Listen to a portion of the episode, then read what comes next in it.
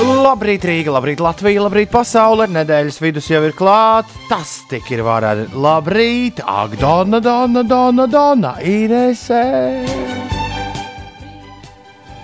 Kaut kādu baigi klusiņu tu man esi šorīt.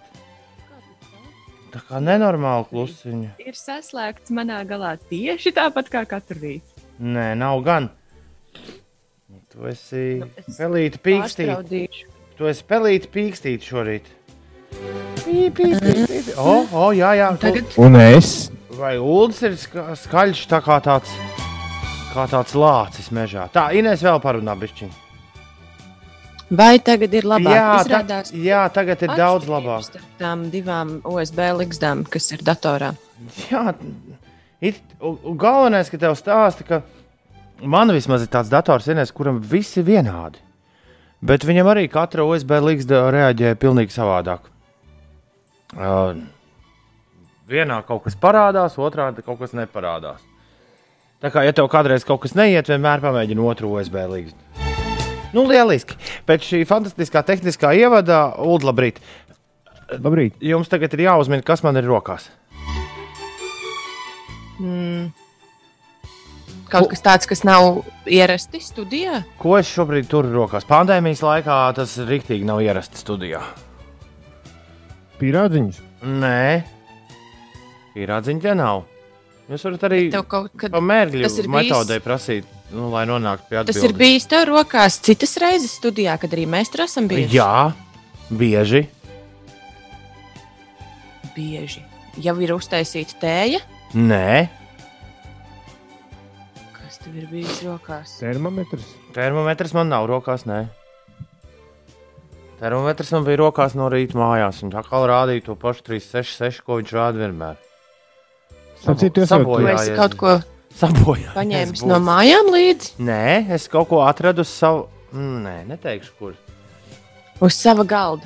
Es zinu, zinu, zinu. Mm. Uh, pastkartes. Yes! Jūs neticēsiet, bet ieradušās jaunas pastkartes. Es jau visas vecās esmu salicis. Man liekas, ka nē. jāpagaida. Tad, kad sākās Ja pandēmija, kad mēs aizbraucām atvaļinājumā, trīs pastkartes bija pienākušas pa tam lāgam.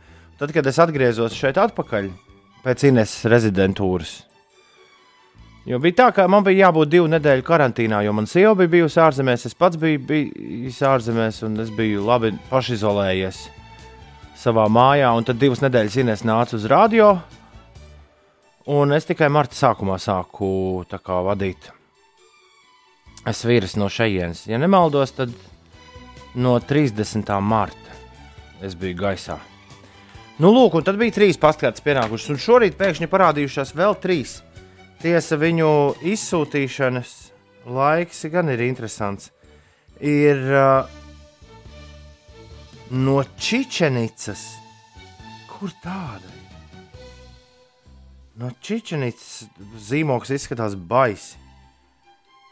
Peninsula de Yucatan. Crazy. Meksika. Andris un Edīte. Viņa pastkārta no 11. novembra, no Latvijas dienas, ir ieradusies. O, Tad, Wow. ir, tad ir pastkārta no Atlantas, ieplēsta. Kaut kur pa ceļam rīktīgi ilgi ceļojis. 22. Cīnījusies. 22. februārī. Agača raksta, ka mēs esam vienīgais radio raidījums, ko viņa ir stalkojusi. Klausos arhīvā, lai veiksmīgi. Viņa ir Atlantā bijusi tad, tad 22. februārī. Un 2. martā mums ir izsūtīta no Vatikāna pastkarte. Viņas visas ir ieradušās pie mums 27. maijā, šīs trīs kopā. Ļoti iespējams, ka viņas kādu nu, labu laiciņu ir stāvējušas sekretariātā. Arī tā varētu būt, jo es tur esmu parādījies vien, vienīgu reizi, kopš es atgriezos radio. Bet, uh, bet jā, pastkārša rubrika ir viena no tām rubrikām, kas ir izbeigusies šajā raidījumā. mēs gan, man liekas, aicinājām. Nē, mēs neaicinājām sūtīt no mājām pastkartes. Nē, mēs neaicinājām, gan. Tu to esi nosapņojis. Jā. Ja es vienkārši aizdomājos par to, ka vajadzētu nosūtīt pastkarti, tad domāju, kā tas būtu. Bet, bet mums jau būtu jāiet uz. Ah, nē, nu, ja tev ir markas, tad tu vari vienkārši atrast kādu paskastītu un iemest. Tev nav jāiet uz pastu obligāti. Nā. Oh, man, man beidzot jāizvelkas līdz pastam. Man diezgan dīvains, pie, diezgan dīvaina īziņa pienāca pirms pāris dienām. Protams, ka viņi pienāca brīdī, kad galīgi nav laika par tādām īziņām domāt. Īziņa no pasta un rakstīts, ekspresa pasts šodien piegādās sūtījumu. Un pielikts info tālrunis. Ievērojot piesardzību, norēķina ar pēcapmaksu iespējami tikai ar karti. Lūdzu, brīdiniet kurjeru, ja atrodaties Covid-19 noteiktajā pašizolācijā vai karantīnā.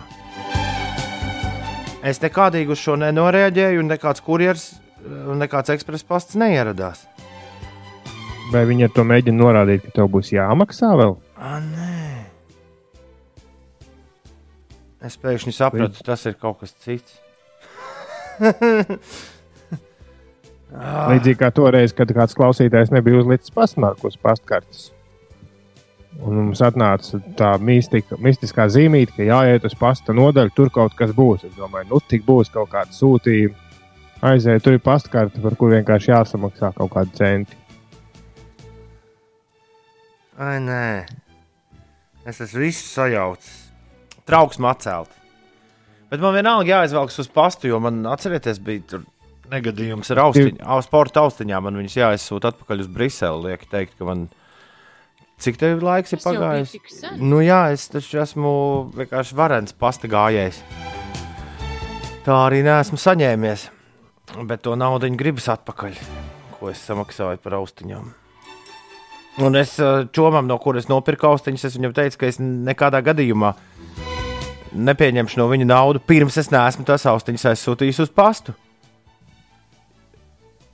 Nu, jā, viņam. Jo savādāk, eh, savādāk es to nekad neizdarīšu.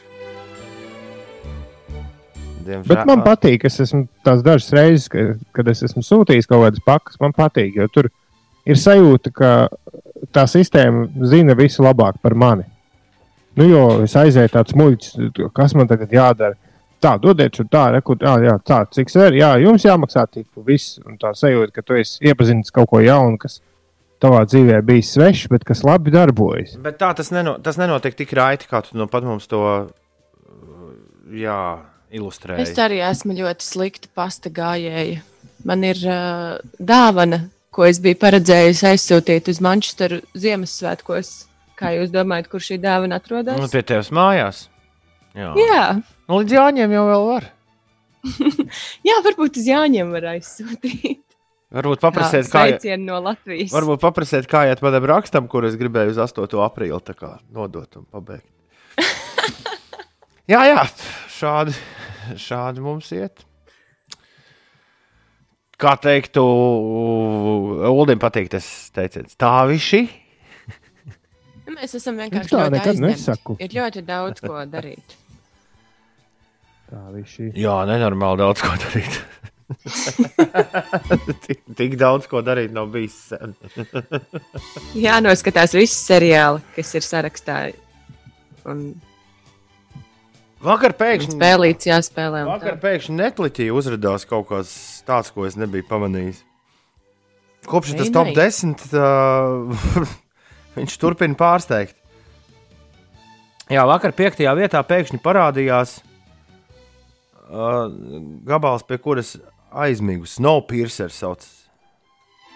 Ah, tāpēc es slikti gulēju. Es vakar pārkāpu noteikumu, ka nedrīkst skatīties televizoru gultā. Pirms miega uzliku pastīties bišķiņu Netflix. Nu, Snowpiercer ir par uh, ļaudīm, kuri ir iekāpuši apakalipses sākumā milzīgā vilcienā. Un tagad vilciens ir pārvērties par, nu, tā, par, par principā, vienīgo vietu, kur cilvēki var izdzīvot. Jo ārā ir uh, apakalipse, minus 120 grādi pēc Celsija. Ja tu izkāpsi ārā no vilciena, viss sasals ragā. Un tad tur vilcienā ir bagātie un nabagie, un, un tad ir uh, kaut kāda armija, kas to visu jo vilciens ir nenormāli garš. Un viņš riņķo ap zemeslodi. Izklausās interesanti. Nu, izklausās, Nu, bišķi interesant, izklausās interesantāk nekā izskat, izskatījās. Jo nu, bija, nu, jau kaut kādā piektajā minūtē bija sajūta, ka ir skaidrs, kas tas ir. Bet, jā, nu, jebkurā gadījumā šis tagad ir modē Latvijā, jo viņam ir tikai divas sērijas iznākušas un posties piektajā vietā. Uzreiz. Es Gan, tā es nav gan, 2013. gada filma. nē, nē, nē. Ah. Tas acīm redzot, ir seriāls pēc filmas motīviem. Jā, noskatījos divas, ne, noskatījos minūtes desmit, un tad es aizmigu. Varbūt viņš tur griezās vēl tālāk, nezinu. Bet, uh, jā, kurā gadījumā ir tāda sajūta, ka, ja neskaties, tu vai neskaties, tāpat tu viss nenoskatīsies.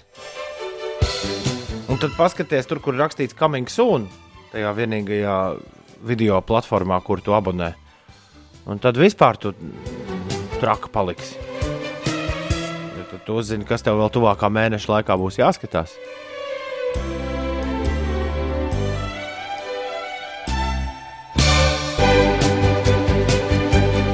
Okidoki! Šmaiki, maiki! Čaiki, faiki! Ir 18 minūtes pārpusdienas sešiem. Labrīt! Labrīt, Tomo! Snowpiercer ir fantastiska filma, kur varētu būt Čārlija un šokolādes fabrikas turpinājums, raksta Tomo. Jukatanas pussala, senā inku pilsēta Čičenica. Jā, Edgars, paldies, ka tu nokomentēji, kur, no kurienes mums te pastkārta nākos. Bet šis, šīs pastkārtas vēl kādreiz piedalīsies mūsu pastkāršu. À, mēs nelasīsim tagad. Es domāju, es domāju, ka ir boikots, nu, jāuztais paskartēm, vienkārši pat ja viņas te nāks, ir jātais boikots līdz brīdim, kad cilvēks atkal drīkstēs ceļot. Ja cilvēkam ir aizliegts ceļot, tad, tad kāda jēga no pastkartēm? Nu, Nolasīt vajag, es domāju. Jo ir taču mūs, daudzi mūsu tautieši arī ārzemēs. Es, es, es, par šo, es tieši par šo domāju, neliekot tās kaut kādas desmit, kas man ir neieliktas vēl Instagramā, un domāju, ka nu, šobrīd varbūt nevajadzētu. Bet pēdējās nedēļas, jo vienīgi, nu, kā jau mēs secinājām, nav nekam laika. Bet pēdējās nedēļas es domāju, ka vajadzētu atkal sākt likt, jo tas tomēr forši atskatīties uz nu, kaut kādām ārzemēm un tā, un kā kādreiz bijis. Bet lasīsim tad pēc astoņiem, kā mēs to vienmēr darījām. Jā, nu, un Jā. kādā īpašā dienā. Labi, tad es gaidu no Varbūt jums šodien. zīmes, vai, īpa, vai īpašā diena ir šodien vai kāda cita diena. Labrīt, no rīta, šo lielisko rītu. Kas, kas var būt labāks par sauli no paša rīta? Raksta. Rakstīts rīktīgi leduskapī. duls. Mums. Tas, tas var būt labāks par sauli no paša rīta. Nezinu. Tu tiešām gribētu lasīt no rīta. tā arī, vai tā arī nebija tas slavenais teiciens? Ah, nē, bija par uh, slikti izceptu zivi. Labrīt, uh, Kristiāna no Bauskas puses. Ah, tā nesot bijusi Meksika. Edgars Siguldā saka, ka tā ir Kolumbija. Nu, tā tad? tā čiče, čiče, čičenica. Ka tas esot Kolumbijas, Jukatans pussala, esot Kolumbijas teritorijā. Jā, šī šeit. Ir pussalas centrāla Amerikā. Ziemeļos no tās atrodas Meksikas līča. Ziemeļos Nē, tā ir Meksika. Pussalā atrodas Meksikas štāta Jukatana, Kampeča, Quintana Roo, Belīzes ziemeļdaļa un Gvatemalas Petana, Petena departaments. Es neko negribu zināt par-. Es neko negribu zināt par Gvatemalas Petena departamentu. Nu, jā, nē, nē, nē, tā ir Meksika. Es, es esmu jau aizgājis tālāk, jo izrādās, ka tas Snowpiercer ar filmu, kas ir Dienvidkorejiešu un Čehu kopražojums 2013. gadā, Wow! ir režisējis eh, Bong Joon-ho. Tas ir tas tur. Parazīta, Parazīta vīrs. tas, kurš tikko Os Oskars savāca. Wow! Tā ir viņa pirmā angļu valoda, angļu filma angļu valodā bijusi 2013. gadā. Otra viņam, es pieļauju, nemaz nav bijusi. Angliski. Jā, es nezinu. Nu, jebkurā gadījumā šis kaut kā uzrunā filmu noskatīties mazliet vairāk nekā to seriālu. Varbūt tieši tas arī bija šajā rītā mums eh, jāpanāk un jānosacina. Viņš arī pats ir scenārija autors tam Snowpierceram. Bet vispār, un un klausies, un kā mēs palaidām to, ka viņš ir režisors tai filmai, par ko mēs šeit rītos esam reizi vien runājuši. Tā Netflix filma par to milzu cūku. Kas? Ok, Okja. Atceries, bija tāda Jā, jā, jā. filma. Tur spēlēja Svin- Man Jā, tā arī ir Bong Joon-ho filma. Wow! Neticami. Ap to filmu tolaik bija diezgan liels troksnis. Bet Jā. Inês šobrīd nesaprot, par ko mēs runājam. Tas no tavas atmiņas ir pagājis, ka Netflixī ir filma ar Tildu Svintonu un Cūku. Jā, tas tiešām ir pagājis. Nu, tad padomāsim par to. Tad tagad sanāk, ka būs jāskatās pilna šī režisora diskogrāfija. Bezmaz vai jā. Ok. Labrīt!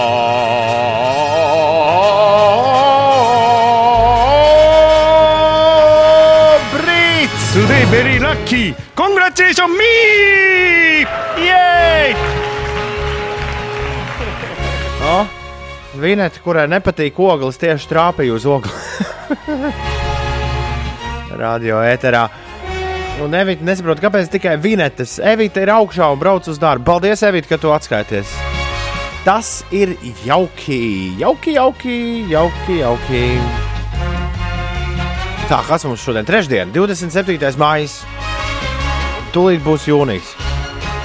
Šodien būs mainīgs mākoņu daudzums. No pēcpusdienas vietām rietumu un centrālajos rajonos īslaicīgi līs. Pūtīs lēns līdz mērens rietumu puses vējš, un gaiss iesils līdz plus 19, plus 23 grādiem. Piekrastē plus 14, plus 18 grādu.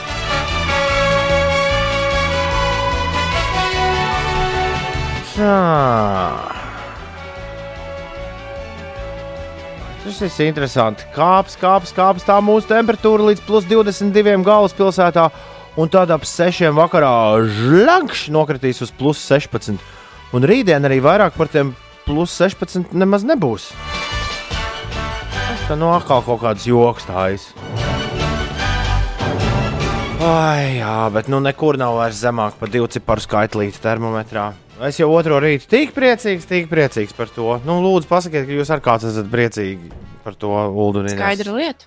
Es esmu priecīga par to. O- Starp citu, ar kādu jaku šorīt atbraucu uz Es, darbu. es atbraucu teikraklā un ziemas jakā joprojām. Uh, Braucot bija forši, bet atnāca sapratu, ka esmu sasvīdis. Labi, ka jūs te nesat, jo tad, tad vērt logus vaļā un ventilāciju slēgt un tā tālāk. Labi, labi, es biju pārspīlējis, protams. Bet, uh, bet jā, ir pavēsis joprojām no rīta. Šodien modos piecos reizē ar sauli raksta Digis. Esmu savā lauku īpašumā Alūksnes novadā. Gatavojos stādīt kartupeļus, bet nevaru saņemties, uzsākt locīties starp vagām. Un ir tik jauki baudīt kafiju, klausoties jūsu sarunās. Dīdzi, ir tik jauki iedomāties, kā tu domā par kartupeļiem, klausoties mūsu sarunās. Paldies, ka esi kopā ar mums! Labrīt, foršs laiks, patīkam diena, lai visiem veicas, raksta Renārs. Siltumnīcas sakurinātas, esam jau Rīgā, lai ieslēgtos ikdienas pamatdarbos. Lai forša diena, Renārs. Kloks, Coldplay 6,32. Šeit Latvijas radio 5,5 LV, 5 rītī. Un viens arī atgriezies, atgriezies darbā, mēģinājumos. Jo viens koncerts Uldim būs. Patiesībā sāk, sāk palikt aizvien labāk, jo tev būs viens koncerts, un man jau divas ne, laikam, kopā tehniski nāk jau trīs diskotēkas. Tiesa tajās neviens nedējos, ja es visu pareizi saprotu. Bet nu, kaut kas te, nu, kaut kas kustas uz priekšu. Ā, Tev, tev visas ir. Jā, visās Nē, ir- pagaid, tev, ir- tev, ir, tev ir gan neklātienes, gan autolietas. Ja? Ā, nē, Nu, tad, jau, nākotnē. tad jau viena ir bijusi. Nē, viena neklātienes man jau bija.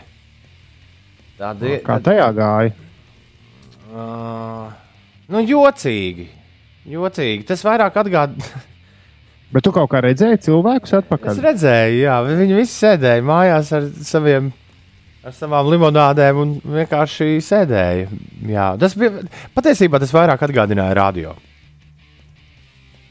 Jā, bet arī nekāda vaina. Es viņiem liku dziesmas, pa vidu kaut ko, kaut ko pateicu, tad viņi, tad viņi arī pateica. Tad, tad bija uh, Džeks no Liepājas, kurš stāstīja, ka, mūsu, ka vislabākā vieta, kur šobrīd atrasties, ir tieši Elgara bārziņu salons, tur, kur tu biji bijis arī nodzīties.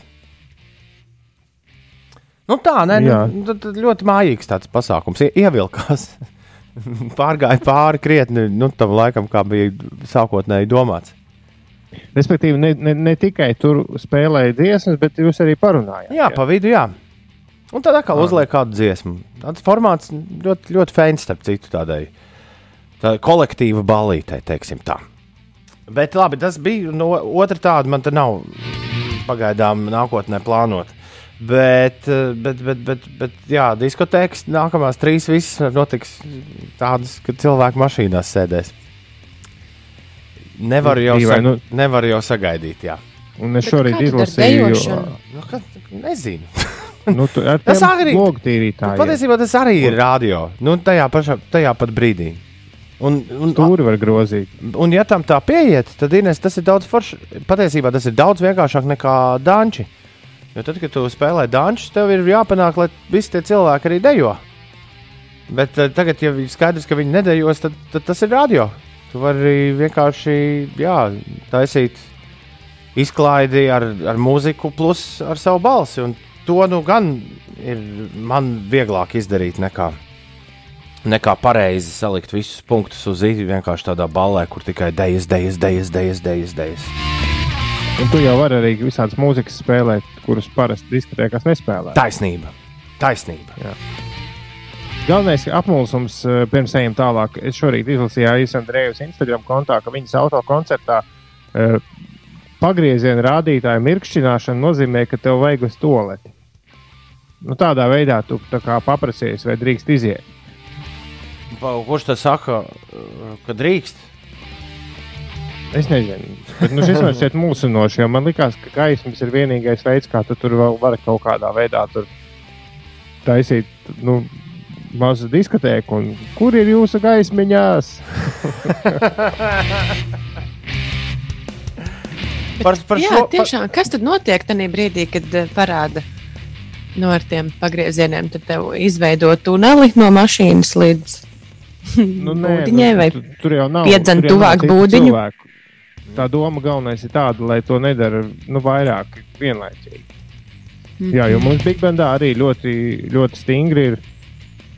Pirmkārt, toaletē drīkst tikai divi cilvēki. Ir tie stāvpodi ir aizlīmēti ciet un, un tos uzrakst nelietot.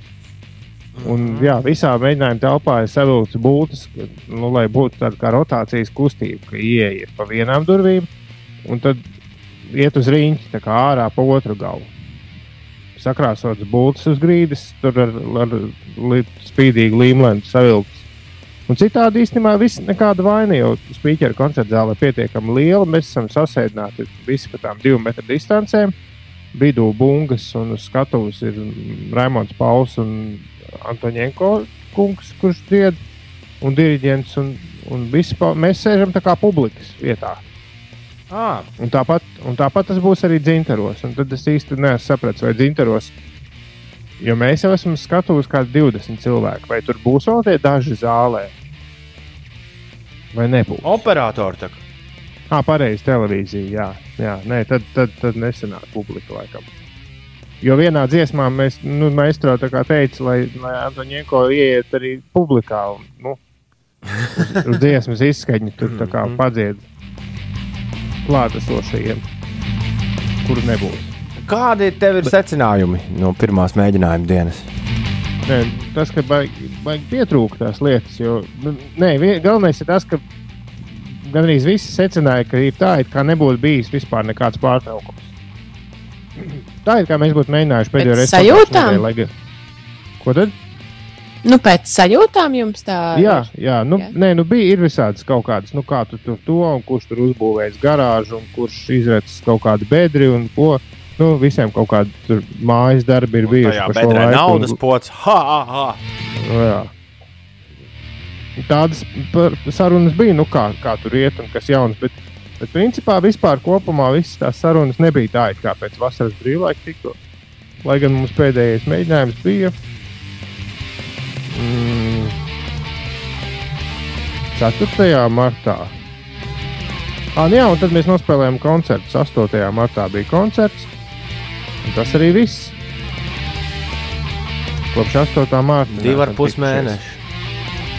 Bet nē, viss, viss un plus, plus, par laimi, plus mīnus, visi arī laikam ir spēlējuši kaut ko šajā laikā, jo skanēja arī mm, pieņemami.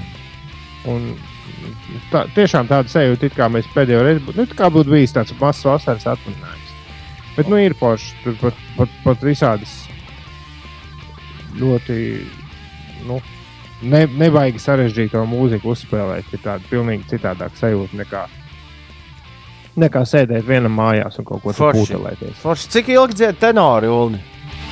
Jā, tas bija mans vakardienas pārsteigums. Jo Antonienko, kas ir nu, ļoti jaudīgs tenors, bet viņš saka, viņš uz šādu avantūru pirmo reizi parakstot. Antonienko Antonienko. vai Antonienko? Mēs jau vakar. Nu, Būs, būs mātei jānoprasa. Nu, labi, viņa ir liela fana. Viņa. Man, Nu jā, man, viņš- man, jā. viņš tā kā parasti dzied tenoru arī operā. Un, un, un viņš saka, ka, ka šī tik ilgi, jo viņam tā kā viņš ir vienīgais solists, tad viņam ir, vakar mēs mēģinājām tieši viņa repertuāru, viņam jādzied principā visu laiku ar Mhm. ļoti mazām pauzītēm. Mhm. Un izrādās, ka, ka operā viņš saka, nemaz tā nesot, ka operā viņam ilgākā arī ir tā, kur viņš smiedz desdemonu. Tā ir 13 minūtes, bet tur dzied vēl citi arī. Līdz ar to viņš var atpūsties. Uz to viņš teica, ka izrādās, ka tenori ir tādi tā kā. Es nevarēju atcerēties, Sprinteri. ko man tas at... Sprinteri. Tā kā Usaini Bolti. Nu, viņi ļoti ātri. Nē, zini, ko man drīzāk atgādināja? Hokeju. Jo tu vēl skatītājiem, mainies, kas jā, jā. nezina, kā tas viss notiek, ir sajūta, ka tie hokeisti visu laiku skrien, bet Ines tu taču esi piedalīsies. Patiesībā ir ļoti maz. Tu izskrien un uzreiz atpūsties. Nu, ir tāda ļoti maza divas intensīva. minūtes. Nu, jā, tu esi. Cik? Jūs esat sat, nu, aptuveni plus mīnus divas minūtes. Vai arī tu skrien? Viņa izēja laukumā. Nē, nu vai arī, un, ja tev nav spēka, tu vari, man par dažreiz izskatās, ka, ja kādreiz nu, galīgi nav ķerpa, tad pats skrien mainīties. Jeb tā tas īsti Jā. nenotiek. Nē, nu, tev ir jānoķer brīdis, kad mainīties. Vai nu mainās viss sastāvs, kas ir laukumā, vai arī skatās brīdi, kad ir droši mainīties. Nu, tu to nedarīsi savā zonā, bet tad, kad ripi ir pretinieku zonā, Mm -hmm. Bet, bet kā sanāk, tu pirmā, tu dodies mainīties, un tad tas, ko, kas tev mainīs, dāmas jā, un tu skaties cilvēkus. Ne, nu, jā, ja tavs cilvēks kurš- nāk uz maiņu, tad Nu kā, jo, ja jūs abi divi būsiet uz ledus, jums ieskaitīs eh, skaitliskā sastāvā nu, pārkāpumu. ja būs. Nu, Nu jā, bet- nē, bet- tu vienkārši bet, ā, skaties cilvēku savējo. nu, tu tad neej inicia- cita vietā mainīties. iniciatīva nāk no tā, treneris kas ir nav. laukumā, nevis no tā, kas sēž malā. Ne, tur vienmēr tev stāv, Tā kā, tu pat, tev nākamā patrona stāv, saprot, jau ielādēta. Nu, jā, tā. bet nu, nav tā, ka tu sēdi malā un es gribu, es tagad palaidu mani. Nē, tā diez vai. Nu, reizēm ir tāda sajūta, ka tas tavs maiņas cilvēks tajā laukumā dzīvojas par ilgu, un tu tur trīnies un gribi tikt laukumā, bet viņš jau tevi nedzird īsti, man liekas. Bet pareizi ir ūdeni. Viņi uzskrien, un tā viņi skrien nost. Nu, ne, un izrādās, ka tenori ir, tenori ir kaut kas līdzīgs operā. Nu, jo, jo tā, ne, nu, tas, viņš, viņš saka, nu, viņš dziedā arī nu, rīktīgi skaļi. un Viņš saka, ka viņš arī uz pusbalsi nevar uz pusbalsi dziedāt, tas vēl grūtāk nekā uz pilnu. Tā kā viņam sanāk Nu. pie jums smagi izdziedāties. Nu, diezgan, jā. Bet nu, tas koncerts tā televīzijā tas būs- nebūs garš. Nē, nebūs gan. Viņi taču parasti vispār- ir kaut kādi pie pusstundas, man liekas. Ja jūs būsiet tā piekdienas nu, koncerta laikā, vai ne? Kas tur tagad katru nedēļu ir, kur Linda Linda bija. Un... Mm, Nezinu, gan. Ah, ok. 6. jūnijas tā ir. Sestdiena. Ah, jā, un, tā, un jā. tie koncerti ir piekdienās. Okay. Jā, nē, nē, nē, man liekas, ka šis ir kaut kā citādāk. Bet tas viss būs ļoti dīvaini, jā, jo, jo nu, kā maestro ļoti patīk, viņš ļoti parasti rūpīgi saliek programmu un izdomā, kura dziesma pēc kuras un kā tur beigās. Un kad šo varētu atkārtot, kamēr viņš piesaka visus dalībniekus, un tad, ja ir aplausi, tad spēlējam vēl un pat, pat kādi aplausi. Vai, vai, nu, tagad vai sagatavot vēl to vienu skaņdarbu, vai nesagatavot? Laikam jau, ka jāsagatavo, bet nu, tas, tas būs tā mazliet dīvaini. Jo- jo- 6. nē, jūnijā jo- būsim pie televizora. Jo galvenā atšķirība no, no teiksim, televīzijas studijas koncertiem, ka šis tomēr tiks spēlēts nevis kā televīzijas tiešraide vai televīzijas ieraksts, bet kā īsts koncerts, ko rāda televīzija. Nu, tur ir kaut kādas nianses, kas atšķiras. Jo televīzijas koncertā tomēr par, nu, kaut, nu, ļoti grūti pateikt, ja tā ir tiešraide, tad tā ir tiešraide arī televīzijā. Bet, bet tad tomēr tā televīzija ir tā kā prior, prioritāte. Šeit ir kā prioritāte ir dzintara koncerta zāle, kuras sezona tiek atklāta. Jā, Un tas būs interesanti. nu, skaidrs.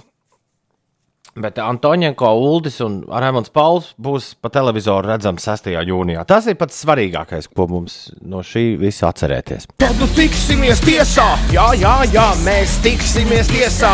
Viņa un Uguns 648! Tā, ko esmu darījusi, man acīs par vainīgu, paklīšos tiesnesim un aiziešu laimīgi. Trešdien, 27. maija, skan 5LV. Ines, kas notiek? Latvijas kara muzejs Rīgā šodien atkal vērs durvis apmeklētājiem. Savukārt Latvijā no šodienas apmeklētājiem tiks atvērts Latvijas zoodārs Daugopilī. Taču tā telpās ārkārtējā situācijā drīkstēs uzturēties līdz 11 apmeklētājiem. Par to, kas atvērts citviet, Romas kolizejs no 1. jūnija tiks atkal apvē, atvērts apmeklētājiem pēc tam, kad gandrīz trīs mēnešus ir bijis slēgts jaunā koronavīrusa pandēmijas dēļ.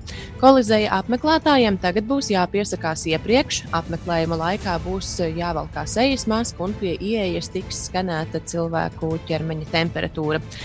Kolizejā ielaidīs ik pa 15 minūtēm, grupās līdz 14 cilvēkiem, un tiem, kas vēlēsies apskatīt to, būs jādodas cauri drupām pa četriem fiksētiem maršrutiem, un vizītes ilgums būs no pusstundas līdz divar pus stundām. Nacionālās hokeja līnijas sezona turpināsies ar 24 komandu līdzdalību, bet sezonas sākuma datums gan vēl nav zināms. Tā vakar vēl vakarā video uzrunā teica līgas komisārs Gerijs Betmans. Arī NHL un līgas spēlētāju asociācija balsojusi par sezonas turpināšanu 24 komandu sastāvā, kas nozīmē, ka pārējās septiņas komandas gatavosies drafta ceremonijai un tām sezona ir noslēgusies. Ko? Vēlreiz nolas, ko tu teici? Septiņas komandas. hokeja līnijas sezona turpināsies 24 komandu sastāvā. Un tās eh, komandas, kuras nav guvušas eh, gana daudz punktus, tad eh, nu, gatavosies vienkārši nākamajai sezonai. A, viņi joprojām ir, pārli... ir noslēgusies. viņi ir pārliecināti, ka viņi viņus dabūs uz ledus pirms uh, 21. gada rudens. Uh, šķiet, ka jā. Un dzirdot, ko viņi ir izdarījuši? Viņi ir izmetuši ārā. Jā, jā. Sīkie tagad vairs nespēlēs, nu tie, kas slikti spēlē. Nu, sanāk tā kā playoff jau maziņi, ja it kā. Nu, līdz playoffiem viņiem vēl jātiek. Ir. Jo s- pa. Ai, ka tagad atkal var sporta žurnālisti priecāties. un Jā, tālāk tiek nu, nosacīta tālāk. To 24 komandu sastāvā ir tās komandas, kuras līdz sezonas pārtraukuma izsludināšanai ieguva visvairāk Nu, tad procentu. 12, 12, 12 nu, jā, no, Jā. no katra. Un paskat arī procentu punktus, nevis punktus. Ja arī Tie tiek aprēķināti, dalot konkrētā kluba izcīnītos punktus ar maksimāli iegūtajiem eh, punktiem. Nu, jā, un tad, tagad, kas ir būtiski, Girgensonam sezona beigusies. Buffalo Sabres ir ārā. Tad, tad zem līnijas tur paliek um, Buffalo. Buffalo. Es tikko vienkārši Buffalo, ļoti latviešu valodas izrunas Buffalo. visādas rakstus. Austrumos tātad Bo Buffalo, Ņūdžersija, Ottawa un Detroits Red Wings ir beiguši sezonu. Un otrā galā ir Anaheimas Ducks, Los Angeles Kings un San Jose Sharks izmesti ārā. Un tad pārējie it kā turpinās. Viņiem sanāk, ir vēl apmēram 12, 12 14 spēles. Apmēram katram palikušas. Un, Jā, Batmans ir arī norādījis, ka līga ir gatava turpināt sezonu līdz pat rudenim, bet nu, konkrēti datumi netiek nosaukti. Nu, Jā, bet. Nu, labi. Nu, Tas jau būtu for, Batmans tas jau ir būtu forši, ka vienā brīdī sāktos, ka vienā brīdī sāktos uh, hokeja vasaras vidū. Jūlijā būtu vismaz ko paskatīties, bet, bet es atkal droši vien, ka būs bez skatītājiem un, un varbūt, ka visi Lasvegasā spēlēs. Uh, ko, ko tu par Batmanu gribēji Ulu, teikt? Nē, vai viņš nav tā, ka tur ir vienmēr ir bijis Batmans, tas komisārs, un ka viņi vienkārši meklē jaunu Batmanu. Un es jūtu, ka visa mūžība ir Batmans tur vārdā. A, kāpēc Lasvegasā ir kaut kādas runas par to? Par ko? Ka Lasvegasā varētu būt. Nē, tas ir man, tā ir manā. Nē, pilsētas nav vēl. Tā ir mana spekulācija. Nav vēl iz, izdomātas. Jā, bet Nu, no, Vegas varianti ir ir vai nu Kolumbusa, vai Čikāga, vai Dallasa, Edmontona, Lasvegas, Losandželos, Minneapolisa, Pitsburga. Zinu, kā, jo Lasvegasai vienkārši ir viss, nu, nu, viņai vē- vēsturiski tā ir tāda exhibi exhibition vieta. Nu, Bet, tur, bet šobrīd tas viss ir aizliegts. nu, jā. Lasvegas šobrīd ir viss vis dīvainākā, man liekas, vieta. Jūs jau zināt, ka es būtu vispriecīgākais. Es būtu ļoti priecīgs, ja viņi to visu spēlētu stadionā zem klājas debesis. Vasarā, ja? Jā. Viņi taču vienreiz spēlēja Losandželosā plus 22 grādos. Bet iedomājieties, cik karsti ir tajās formās. Un Cik tas Tev ir izmaksā? karsti jau hallē spēlējot, kur ir Jā, normāla ledus temperatūra. Uldis, pa, Uldis pareizi saka, cik tur tiek uzkurināts ledutiņam. Fitas Es vakar satiku, Augstums. satiku čomu. Jā. Nu, Jā, jā, nu mēs klausāmies. Tu vakar satiksi Ā. čo, čo, čo, vakar satiku čomu, kas uh, spēlē. čomu vai hokeju. čomu? Čomu. Čomu. Okay. Jā. Un viņš spēlē hokeju. Es gan īsti ne, nezinu, vai, jā- vai kaut kādā amatieru līgā, vai pusprofesionālā, vai, vai kur, bet viņiem bija iztrēniņš bez kontakta. Nu, kas nozīmē, ka tu vari visādas ledus lietas darīt. Nu, viņš saka, nu, tur ne, nu, nav tur pie stumdīšanās pie apmalēm, pa diviem un tā, un arī ģērbtuvēs visi, visi tur ļoti sadalīts. Un, jā, bijusi policija atbraukusi paskatīties. Ko secināja? Nē, viss, viss kārtībā, bet ļoti interesanti, ka, ka policija tomēr ierodas šādiem treniņiem. Aha. 6 un 54. Trešdien. Klausies, kaut kas ļoti, 27. ļoti dīvains mājas. Labrīt. notiek uz savu tiltu. Tur stāv mašīnas pie Zaķu salas. Pie Zaķu salas uz salu tiltu stāv mašīnas. Kāds zina, kāpēc? Virzienā uz pārdaugavu. Lūdzu, to skatās dzīvajā tiešraides kamerā. The Prodigy tavā rīta radio 6 un 58. Kompaktdisks ar zivi. Breathe.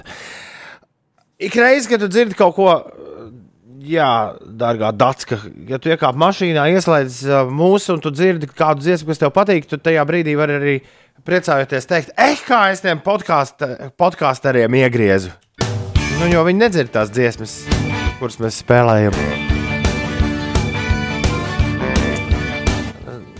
Nu, Tā loģika tāda, tāda, ja tev patīk, patīk dziesma, tad tu zini, ka tu esi privileģēts. Jo visi, kas klausās šo raidījumu, pie tās netiek.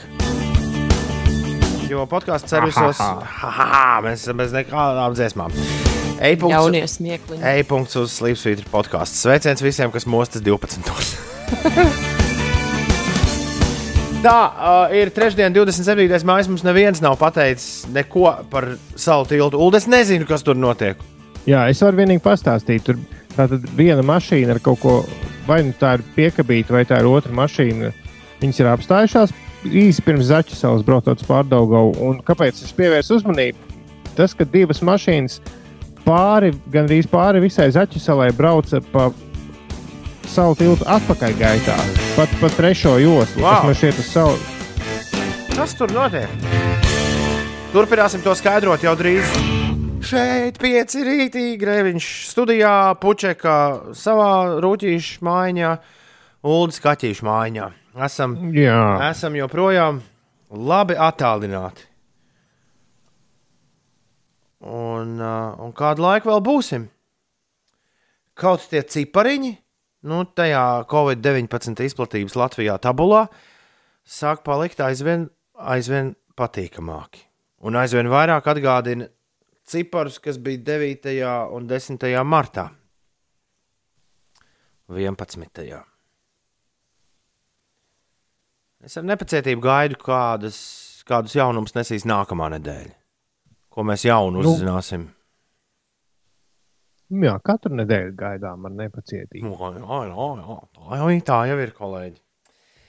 Tā jau ir. Vineta, kurai patīk ogles, raksta, labrīt, beidzot esmu piecēlusies tik agri, kad dzirdu jūs pa savu radioaparātu. Esmu nomodā no pusčetriem, uzreiz sēdos pie universitātes darbiem, un jau tagad esmu darbā. Drausmīgs bezspēks un miegs nāk nepajokam. Kā jūs šorīt jūtaties?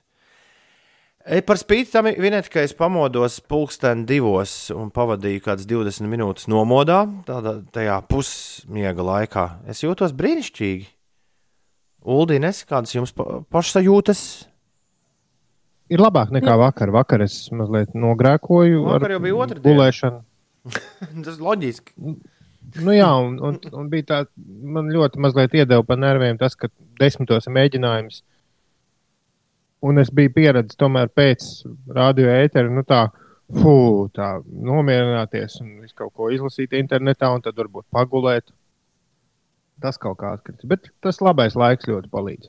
Kā tev Ines? Man vēl nekad nav sanācis tā kā Uldim pēc radio ētera tur pagulēt vai kaut ko tādu padarīt. Es domāju, ka šī varētu būt tā diena. Vakardien, ā, vakar es diezgan vēlu beidzu skriet, ā, biju aizbraukusi uz Baldoni paorientēties, man liekas, ka man tas miegs kaut kāds nebija īsti tāds, kā vajag.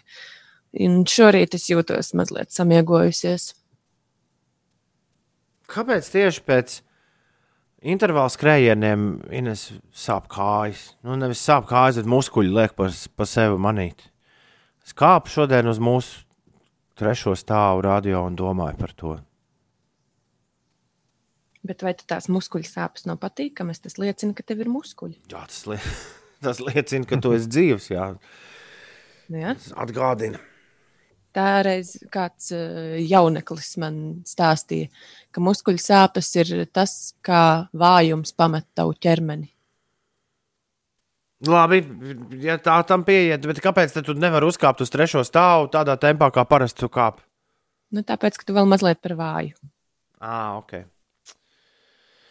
Paldies, skolotāji, paldies. es taču jokoju. šo. nevar, nevar būt. Tu taču esi, tu, tu un joki.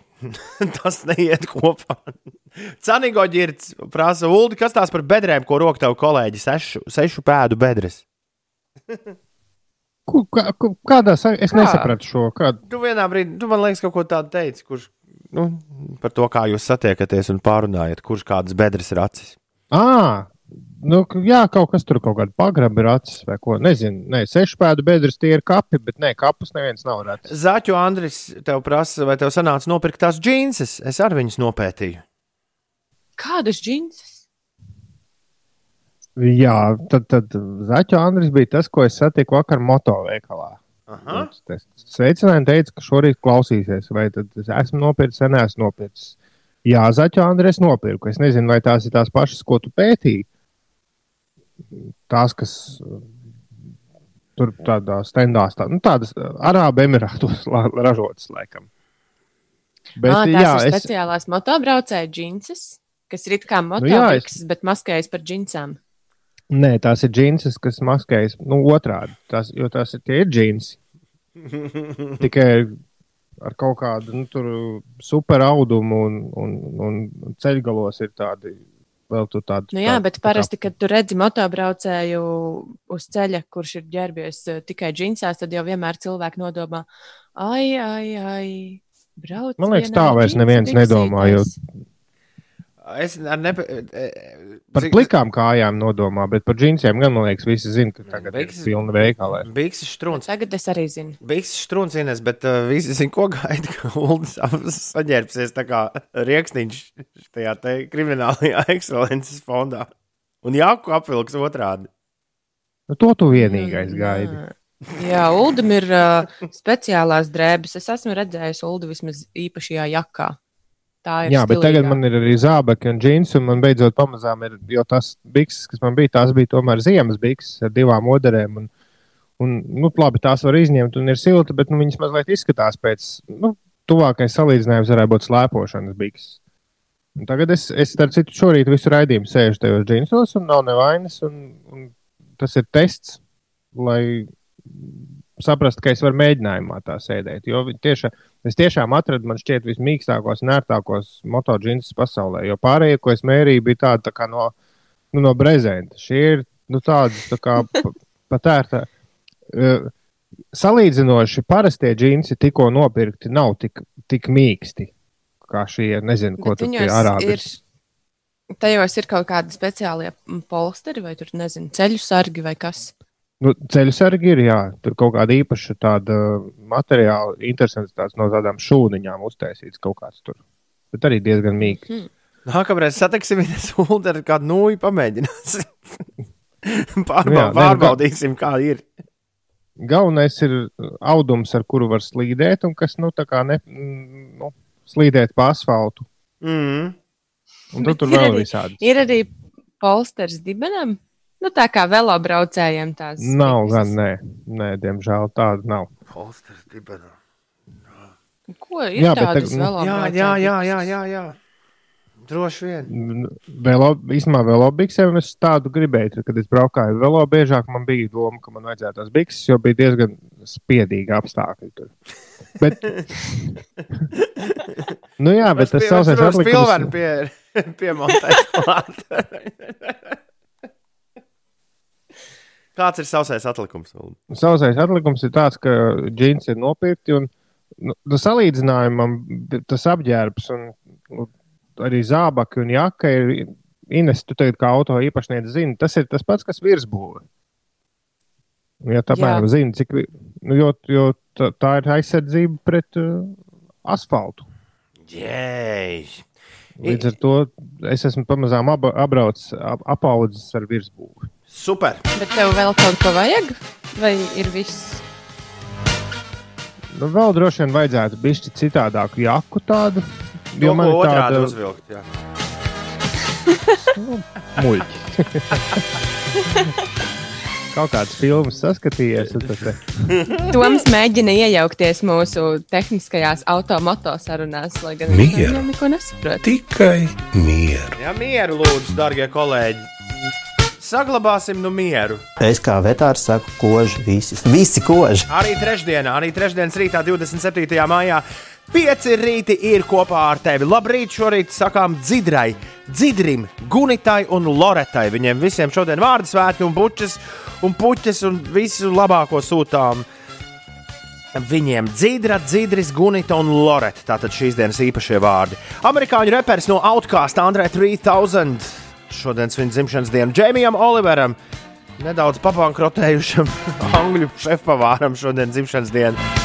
Kas zīmīgi viņš ir dzimis, eh, dzimis kopā ar vienu no čaļiem, kurš molekulāro gastronomiju uzcirtis uh, pasaules ēdienu kultūrā. Estonam Blumentālam, Fat Duck šefam šodien dzimšanas diena. Uh, kas ir Bamba Falls? Es nezinu, to es atradu mūsu pagājušā gada scenārijā. Mēs, man liekas, smējāmies par to, ka basketbolists sauc par bumbu fālu. par to, ka bumba krīpa. Bamba Fallam, uh, senegāliešu basketbola playerim, šodien ir dzimšanas diena. Un Kristīnai Zaharovai šodien dzimšanas diena. Daudz laimes! Basketbola playerim. Basketbola spēlētājiem es ļoti atvainojos. Producents kungs nav iztulkojis un salīdzis man te angliski aprakstus par katru jubilāru. Uldis šorīt dara divas lietas vienlaicīgi. Vada raidījumu un testē bikses. Es arī nevaru vien sagaidīt Ulu kriminālās ekscelences fonda tērpā raksta mans vārdu brālis Toms. Uz asfalta cilvēka āda dilst ar baigo ātrumu. Nenovēlu nevienam džinsi un tekstils nevisai glābī, raksta Emīls. Nē, nu, tas ir skaidrs, ka slidināties pa asfaltam ir stulbi. Un Raivis ziņo, ka uz salu tilta avārija ir. Nu, tā, ko tu novēroji. Jā. Bet, bet es saprotu, izskatījās galīgi ne pēc avārijas.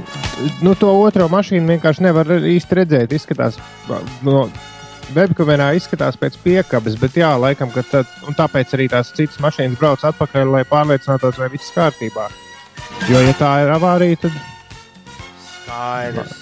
Viņi, tu, viņi tur Jā. kaut kā to, mm, tur kaut kas notiek šobrīd. nu, nu, tās pārējās mašīnas aizbrauc. nu, Trešajā joslā tieši pie Zaķis ceļa braucot uz Pārdaugavu. Stāv, tad, tad tās laikam ir divas mašīnas. Bet sastrēguma nav. Bet sastrēguma nav. Sa šobrīd nav sastrēguma. nē. Tas ir svarīgākais. Šis siltais laiks un skolēnu mācību gada beigas liek tomēr apjaust, ka drīz uz darbu klātienē būs jāiet, raksta kosmonauts. Gan prieks, gan drusku žēl. Vēl Kosmonauts grib zināt, kāds ir lēmums par laika mašīnas atdzīvošanu.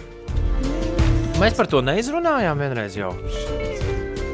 Man, mums, man liekas, bija plānota kaut kāda sapulce, bet tā arī Man, man, man, man šķiet, ka laika mašīna atgriezīsies. Jā, atgriezīsies tad, kad Uldis būs studijā. Jā, šeit un varēs dziedāt laika mašīnā katru rītu bez nobīdes. Tad mēs varam pacelt jautājumu par laika mašīnas atgriešanos ēterā. Pagaidām Nu, to cilāt ir nu, bezjēdzīgi. 7,25. Labrīt, Inês, kas notiek? Nu, sveiciens visiem tiem, kas jau ir uz A8 posmā Dalba eh, jaunolaina. Tur ir jau 25 minūšu kavēšanās oh! Rīgas ielās.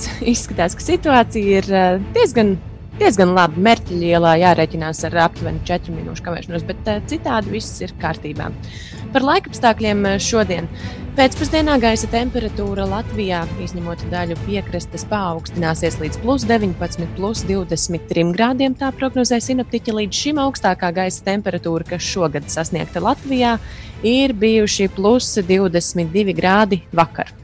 Mākoņu daudzums šajā dienā būs pārsvarā neliels. Pēcpusdienā un vakarā vietām valsts rietumu un centrālajā daļā iespējams īslaicīgs lietus, pūtīs lēns līdz mērens rietumu, ziemeļrietumu vējš. Rīgā būs pārsvarā sausa un saulaina diena, pūtīs lēns vējš un gaiss iesils līdz plus 21, plus 22 grādiem. Latvijas kara muzejs eh, Rīgā šodien atkal vērs durvis eh, vaļā apmeklētājiem, un no šodienas atkal darbu atsāka Latgales zoodārs Daugaupilī. Taču tā telpās ārkārtējās situācijas laikā drīkstēs uzturēties līdz 11 apmeklētājiem. Savukārt ārzemēs Romas kolizējs no 1. jūnija eh, atkal sāks darboties. Forši. Ir 7,26 minūtes. Kad mēs bijām aizbraukuši uz Daugopilu un raidījām no turienes, kāpēc mēs neaizgājām uz zooloģisko dārzu? Pēc tam bija cieta. Man tā liekas. Nopietni? Mēs iebraucām pilsētā šķiet pēcpusdienā, un viņš bija līdz pieciem. un Bija jāizvēlas, vai iet ēst vai zooloģisko dārzu. Kaut kā tā. Kāpēc mēs, kāpēc mēs, at, izvēlējāties iet ēst. kāpēc mēs atpakaļ? Ne, tā, tā ķīniešu vietiņa joprojām tādā siltā atmiņā. Otrā dienā mēs braucām uzreiz uz Rīgu no rīta. Kāpēc? Baigie darbi bija. Gan jau, ka tev bija jāsteidzās kaut kur. Droši vien, droši vien, jā, bija tāda laika dzīvē, kad es visu laiku tikai steidzos un steidzos un steidzos un steidzos. Tagad es nekur nesteidzos. Tāpat kā cilvēku, A, kur ir, ir- kā cilvēku, kur ir uz A8, piemēram, Dācis, A8 velkas. Vai ir atskaita no tā, kurš šodien plānoja caur kalnciem braukt? Pagaidām mēs neesam vēl neko dzirdējuši. Dācis, tā kā tik līdz būs, tā mēs dosim kādu ziņu. Kaspars tas bija. Jā, kas par to mūs dzirdī? Halo, atraksti. Vai tu bliedz caur kalnciem, un, ja bliedz, tad kādi ir secinājumi? 7,27 minūtes ir pareizais laiks. Šis ir pieci. Jauno vecāku rīts.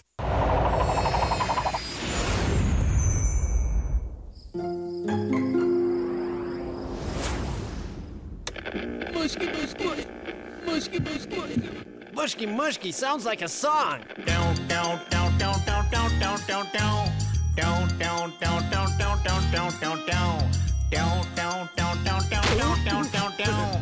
Vakar pirms gulētiešanas reverta mēs uh, šo atcerējāmies. Ho, mushki mushki ho, mushki mushki ho, mushki Mums abiem diviem šī šķiet vismuļķīgākā uh, dziesma no vismuļķīgākās multenes, ko mēs esam Netflixī abi atraduši. Turku vai indiešu? Es īstenībā līdz galam neesmu drošs, jo informācija mūsu valodā, mūsu saprotamā valodā par šo gandrīz nevar atrast. Guru or bole. Mēs par šo kādreiz senos laikos bijām runājuši, bet es biju rīktīgi aizmirsis, kā to sauc, un vakar pilnīgi detektīvu darbu veids, lai, lai atcerētos, no kur, kur bija tas buškī, muškī, muškī, buškī. Nu, nav man nekas dikti daudz stāstāms šorīt, jau no vecāku rītā. Būs dikti daudz, kas stāstāms nākamā trešdiena. Jā, savu stāstu es man liekas, jau pirmdien izstāstīju par to, kā mēs ar Edvīnu braucām uz Mangaļsalas molu sestdienā ar savu jaunāko dēlu. Bet uh, vecākais dēls dodas uz skolas izmēģinājumu nedēļu. Tā sākas nākamā nedēļa. Un tad nu par to papļāpāsim par pirmajiem secinājumiem. Jā, nākamā trešdiena. Un uh, jā, es biju cerējis, ka Inês man šoreiz izglābs jau no vecāku rītā, jo Inês tā kā tāds jauns vecāks ar savu krustdēlu, tad rīktīgi daudz Instagramā, cik var redzēt, ņemas pēdējā laikā. Uh, jā, bet nu, es neesmu. Ah, nu es biju mājās tikai pagājušajās uh, brīvdienās, un tad es uh, krustēlu, krustēlu aizvedu uz tērveti. Tur viņš mazliet sabēdājās, jo viņš ļoti gribēja pamēģināt to Tarzānu parku, kas tur ir. Bet uh, cilvēki, ja jūs atceraties, uh, es pirmdien stāstīju, cilvēki tur bija ļoti, ļoti daudz. Līdz ar to daži vecāki, kas uh, tur bija aizbraukuši, viņi nopirka biļeti, nu, teiksim, divas stundas pirms, pirms varēšanas iet iekšā tajā Tarzāna parkā, izstaigāja tur tos rūķu takas, un tad un katrā ziņā tur bija ļoti gara rinda. Tā kā mm. -hmm. brīvdienās uh, nu, ir ļoti, ļoti jāapsver vietas, uz kurieni braukt. Vai tās tiešām nebūs cilvēku pilnas? Es viņu dienu sapriecājos, ka svētdien jā, bija drāmīgs laiks. Es skrēju rīktīgi daudz kilometrus pa meža parku, virpuļoju un apļoju. Un uh, sapriecājos, ka meža kaķis ir vaļā. Un kāds tēvs bija arī izdarījis to, kas ir jādara. Viņš sliktā laikā bija atvedis bērnus uh, pakāpelēt pa meža kaķi. Uh, nu, līdz ar to, kāpēc, tā- kāpēc pareizi darīts? Tāpēc, ka neviena cita cilvēka nebija. Ah. Es to bieži esmu šajā raidījumā teicis, ka vislabākais, vislabākais mirklis, kad iet uz zooloģisko dārzu, vislabākais mirklis, kad doties uz meža parku, ir, ja ir slikts laiks. Labā laikā, svētdienā, es tur savu kāju nespērtu. Jo tas, kā tur izskatās, un kāds ir ļaužu, kāda ir ļaužu masa, tas vispār prātam nav aptverams. Tā kā man Bet, liekas, eh, ka tev- tas, ko- tas, ko mēs varam mācīties no Ines teiktā, ir nu, štukot par vietām, kur, kur varētu nebūt tik daudz cilvēku. Un pagriežam slikto laiku sev par labu. Jā, laiks ir drāmīgs, tur tas nav neviena cilvēka. Un tā tas parasti darbojas. Nu, ko tu Ulu, gribēji teikt? Es gribēju jautāt, tavs vecākais vakar bija kaut kādā Latvijas Disneylandā. un Es varbūt tu vari vairāk pastāstīt. Nezinu, neko. Man, man atskaiti man nesniedz par šo braucienu. Es zinu to vietu. Es arī tur esmu bijusi Grēviņ- pagājušā gada rudenī. Grēviņa kundze tur bija ar viņu kopā. Varbūt tu pastāsti, kur, kur bija man. Jā, es to ne, nezinu. Pastāsti, kur man ģimene bija vakar. Jā, nu, pēc, pēc tam dažām bildēm, Ķeipenē. ko es Ķeipenē viņa bija, jā. redzēju. Jā, tur ir uh, Eizensteina muzejs. Mm. Tur ir tāda jauka, Poķomkina režisora. tur ir tāda jauka nu, dzelzceļa stacija.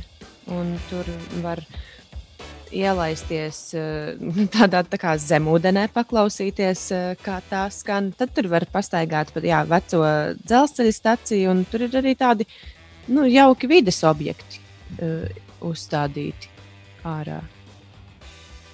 Tā man Tā arī likās tāda Latvijas vietiņa. kino kur būt. vēstures galvaspilsēta. Iespējams. Lieliski. Jā, varbūt arī. Pareizi, Augusts Sukuts kādreiz eh, sensenos laikos tur taisīja dažādus braucienus uz turieni un visādas lietas, kas saistījās ar arsenālu, tur notika. Forši, kā es saprotu, tas nemaz nav tik tālu no Rīgas, vai ne? Kā varbūt izklausās tādam kārtīgam rīzniekam, ķeipeni. Nu, tas jau Nu, tas ir kaut kur aiz ogres, laikam, sanāk. mm. Bet nu nav baigi tālu. Nu, nav jau it kā, jā. Runājot par to dzelzceļa stāciju, es tūlīt atradīšu, jā. Everts ir pēdējā laikā sācis dziedāt dziesmu, tā kā, viņam, tā kā viņš dabū kaut kādu mietu rokā, tad viņš dzied dziesmiņu. Es mēģināšu to dziesmiņu atrast. Dziesmiņa izklausās visai, jā, reku būs. Dziesmiņa izklausās interesanti. Tā, tā, tā, tā. Rekur ir Everta dziesma. Uja, nu, uja, ka tagad es esmu. Uja, nu, uja, ka tagad es esmu. Uja, nu, uja, ka tagad es esmu. Uja, nu, uja, ka tagad es esmu. Varbūt kāds man var pateikt, no kurienes šis nūja, nūja, kur, kur tagad es esmu, kur, kur tam aug kājas.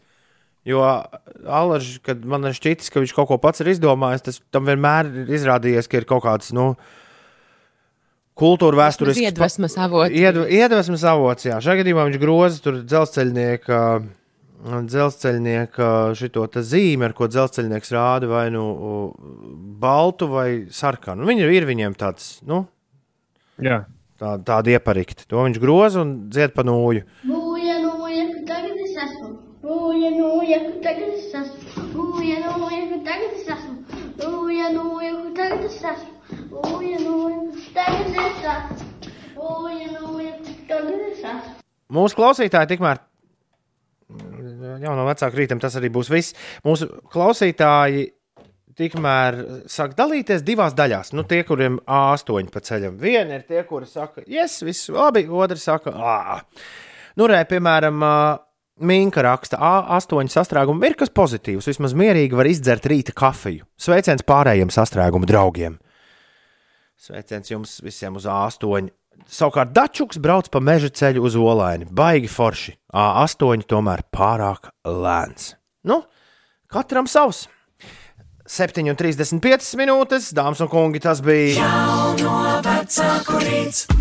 Gājai Andrejai jau bija autokoncerts, vai viņi gatavo visus autokoncertam un saka, ka tur ar tām gaismām. Gatavo. Man šķiet, ka jūnija sākumā, tad, kad viņiem bija Siguldā datums ieplānots, À, tad būs. tajā pašā datumā būs autokoncerts. Es nezinu, tajā autokoncertā, kurā es piedalīšos, man teica, ka var visi iet uz ķemertiņu, cik vien vēlas, bet joprojām jāievēro ir divu metru distance punkts. Kāpēc AI pēkšņi iedomājusies, ka ir jāmirkšķina, man nav nejausmas, bet tas ir viņas Nē, nu, tur ir kaut kāda noteikuma katrai vietai savi. Ah, skaidrs, skaidrs, skaidrs. skaidrs. 7,42. Mums šorīt būs top 10. Kā katru trešdienas rītu. Top 10. kā mēs šorīt vēlamies. Kā lai jūs atgriežaties atpakaļ bērnībā un mēģināt atcerēties, kādas ziepes jūs esat sadarījuši vecāku darba vietās. Jā, un šo es atcerējos nesen kaut kad braucot gar tēva vietu, kur agrāk tēvam bija uh, darba vieta, un atcerējos, kā es tur pāris dators jauki karināju, kad, jo viņ, viņš ar datorlietām nodarbojās 90. gados. Un dažas reizes gadījās uh, pāris smukus dators uzkarināt. Un tad vēl bija tas, ka ka, ka bērnībā tu īsti nesaproti konceptu, ka nu, vienā mājā var būt vairāki uzņēmumi. Tev liekas, ka tas viss ir nu, viens. Nu, ka tu visur drīkst iet. Un, un tad es pārsēju ar diezgan tādās uh, kutelīgās situācijās iekļuvu, jo man liekas, ka, nu, ka visi, ka visi, ja ir mā- viena māja, tad visi arī strādā kopā. Un izrādās, ka tur ir kaut kādi sveši cilvēki, kur nemaz tur nezinu, tā, kuras tur iegāja. Un, tā kā, jā. Teātrī tā tas arī bija. Un Es ļoti daudz bērnību pa teātru, Dailas teātru nodzīvojos. Uh, tur drīkstēja iet visur, bet kaut kāda liela pietāta bija pret tiem mirkļiem, kad bija izrāde. un Tad, tad es gāju tikai uz būdu. Bet jā, tas nav nedarbs. O, tu esi kādreiz bijis būdā, starp citu, Dailas teātrī, Ulu. Mm, par šo Zem skatuves? Nē, nē, nē. Par šo mums tad kādreiz ir jāparunā. Tur ir ļoti labi. Kas ir tāds būda? Nu, tad, eh, citreiz šis būs gar, šis tagad galīgi nebūs pa tēmu. Bet, uh, uh, Nē, es varbūt esmu bijis, bet es nezinu. Man māma strādāja teātrī muzejā, un uh, reiz bija. Šo es noteikti tev esmu stāstījis. Vai Ines to ir dzirdējusi? Nezinu. Pastāsti pārējiem arī. Jā, sarīkojums bija teātrī muzejā par godu. Armēnijā bija bijis, bijusi zemestrīce. Un armēņu zemestrīces cietējiem bija uh, koncerts. Nu, tā kā labdarības koncerts. Un mā, man mamma teica ievadvārdus, un es uh, paņēmu un nostājos aizkulisēs. Jo man likās, nu, priekš kam no zāles skatīties to koncertu. Ja man, ja, ja man visur laiž, es taču varu no aizkulisēm viņu skatīties. Bet tur tās aizkulises bija tādas, ka man likās, ka man neviens neredz, bet man īstenībā ļoti labi redzēja. Un tad, kad uh, viss tur sākas, un māte nāk teikt ievadvārdus, un es nostājos tajās aizkulisēs, un visi zāle sāk smieties. Ļoti. Un, tā kā bērni nebūtu redzējuši. Ui, un es atceros, manā māte paskatījās uz mani ar tādu milzīgu Nīknu skatienu. un aizgriezās prom, un neko vairāk neteica. Un šis man palika, starp citu, ļoti uz ļoti ilgiem gadiem. Šis palika kā tāds bā, moments. Bet es godīgi nostāju, es biju tik sabijies, es nekur vairāk negāju. Es godīgi nostāvēju visu koncertu tajās aizkulisēs un visu skatījos. Un, un pēc tam es pat atceros, ka mamma kaut ko teica, ka "Oi, tu tik forši nostāvēji tur. Nu, tā nu, bija gaidījusi, ka es kaut kādas ziepes darīšu, acīm redzot. Hmm. Jā, bet... Man liekas, ka. Nu, Tajā, tajā, tajā, brīdī, tajā brīdī man liekas, ka es esmu rīktīgs ziepes sataisījis māmas darba vietā. Ā. Bet tās nebija nekādas ziepes. Bet tas, diemžēl, jā. Jā, turpināja tracināt psihi vēl ilgi. Ines, un tev? Nu, es laikam tieši darba vietā neesmu tā nedz īsti bijusi, nedz arī kādas ziepes savārījis. Bet Ziemassvētku laikā, kad mamma, man liekas, ir gribējusi apsveikt kaut kādus kolēģus vai, vai ko, viņa ir taisījusi mājās eh, konfekšu paciņas. Un man liekas, ka dažas reizes ir sanācis tā, ka es esmu kaut kādas konfektītes, kuras ir bijušas nopirktas uz skaitu apēdusi. Jo atcerējos, Es nezināju, ka mēs tās ar... bija saskaitītas. Bet tu neteici, vai ne? Ka es apēdu? Jā. Tagad Nu, to kaut dzird jau beidzot. konfektes. Nē, man liekas, ka mums ar brāli kaut kā tā gadījās ik pa laikam. Mm -hmm. Es vēl atcerējos, kā mēs ar klases biedru skrūvē, skrūvējām datorus. Nu, taisi, nu, tā kā, nu, principā ražojām datorus. Nu, katrs pa vienam, gan ne, ne vairāk. Rūpīgā uzraudzībā, un tur nu, skatījāmies, kā vīri dara, un darījām līdzi, nu, lai bijām jau pietiekami lieli. Bet nu, kaut kādas skrūves tur palika iekšā grabām. Tas normāli. Tas normāli. Tātad ziepes vecāku darba vietās. Mēs vēlamies dzirdēt jūsu stāstus. 293, 202, sūtiet to šurp izziņas izskatā. Astronauts un Suddenlights haosā bez 10, 8.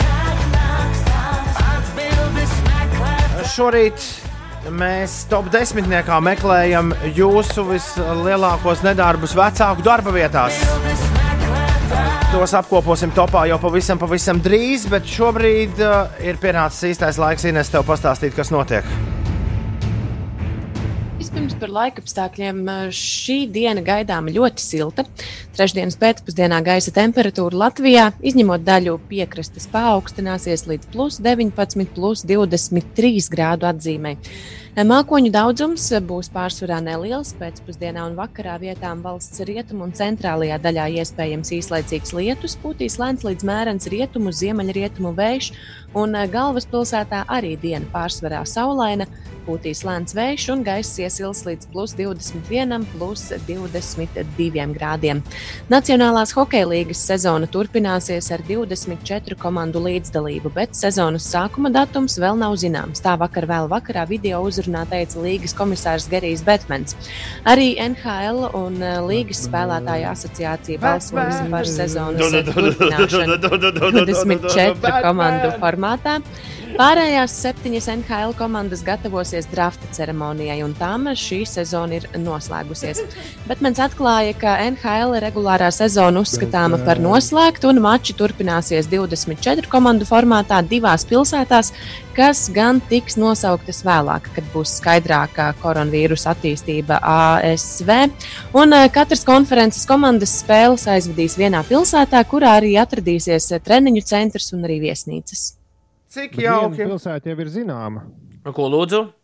Viena no tām pilsētām jau ir zināma. Nu, nu, nu, nu. nu. Ines, tev nebija ziņās?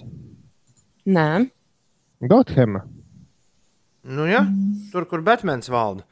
Aha, kādi asprāši. Batman! I'll never lose your love.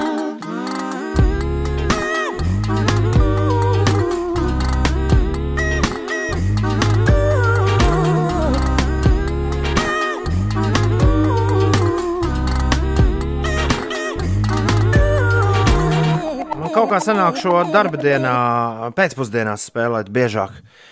Šis ir brīnišķīgi. Dirty Projectors un Lose Your Love. Es to nosapņoju, ka viņiem ir jauns albums. Jā, to es nosapņoju. Viņiem ir tikai pāris jaunu singlu, un iespējams, ka albums būs pēc kāda, pēc kāda laika. Es vakar biju ievācies, to jūs iespējams, ka nepiefiksējāt, Ulu un Inês. Es vakar biju pārvācies uz virtuvi, jo Grēviņa kundze ar Evertu bija aizbraukuši uz ķēpeni. Mēs bijām Redvīna divatā, un tad es sapratu, ka priekšā man garāžā sēdēt, un pie reizes man ir arī juniors jāpieskata. Un, jā, biju gar... uztaisījis virtuvē studiju. Un, ja neskaitā akustiku, tad viss bija ļoti labi. Un prātnieks man meta izaicinājumu, kuru es arī ņemšu vērā. Un es domāju, iespējams, ka rīt to pilnveidot. Proti, izaicinājums ir uztaisīt dārzā studiju un noraidīt no vieniem līdz pieciem vienu ēteru no jā, brīvas dabas. Jā, Tas ir uh, ļoti slikti. Tur bija arī klāt, Priekšlikums. tur bija klāt vēl viena lieta. Nu, tas priekš bildes, kas jāuzņem. Šašliks jāuz, jācep arī. Vienlaicīgi, tu esi uz viena galda, tev ir visas ēteram vajadzīgās lietas, un, un mikrofons, un blakām stāv grils, un uz tā cepas šašliks. Tāds lūk, mazais plāniņš. Bet es turpinu, jā, vēl man trīs dienas starp vieniem un pieciem dubultu maiņa, tā teikt, Latvijas radio 5, 5 LV ēterā. Es arī plānoju, nu, ka varētu aizbraukt uz kādu pavisam citu Latvijas pilsētu. Nu, kādā Airbnb dzīvoklītī vai viesnīcas numuriņā ietētarā. Mūsdienās jau izdevīgāk būtu sameklēt kādus draugus, pie kuriem palikt. Zini, kā Nedrīkst jau. Lai nav lieki tēriņi. Kā līdz 25 var un ar 2 metru distanci.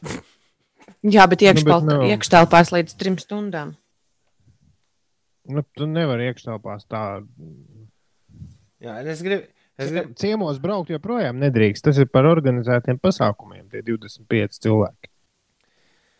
Jā, nu, cerēsim, ka tas Airbnb numuriņš, kurā tu ievāksies, būs pietiekami labi izden, iz, iz, dezinficēts no iepriekšējiem ļaudīm, kas tur būs bijuši.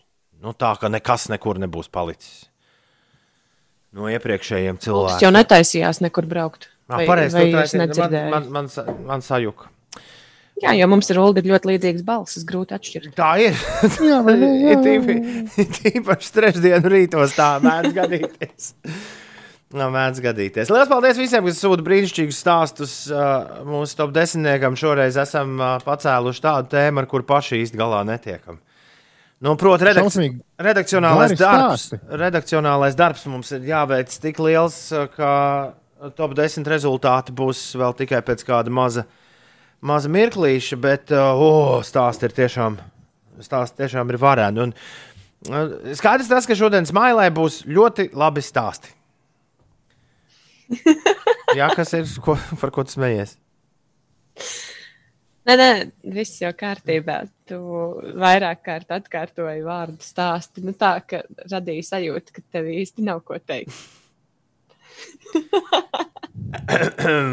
Mieru, tikai mieru. Aicis prasa, labrīt, rīta draugi. Gribēju jums uzjautāt, vai jūs zināt, kā ir ar bērnu laukumiem, vai tur drīkst atrasties distancēti, jo manā pilsētā visiem bail tur iet, jo tur vēl joprojām viss ir notīts ar lentēm. Nu, teorētiski tur var iet, tas... Bet tas nav ieteikts. Nu, nu, tā, tas ir katras pašvaldības pārziņā. À, tā, tā tas ir. Jā, Tas atļauj. Jā, manuprāt, jā. À, ok. Bet, Jā, nu, es, ka es, pulcēties es, es savus bērnus tur nevestu. Nu, jā, to aicināt man prasa. Nu, jā. un pulcēties līdz 25 cilvēkiem drīkst organizētos publiskos un arī privātos pasākumos.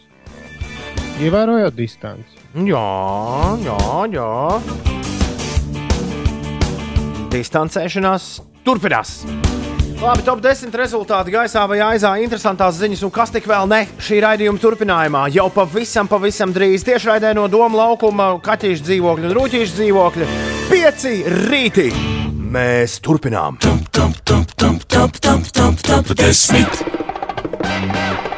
Ziepes, kuras sataisīju vecāku darba vietā.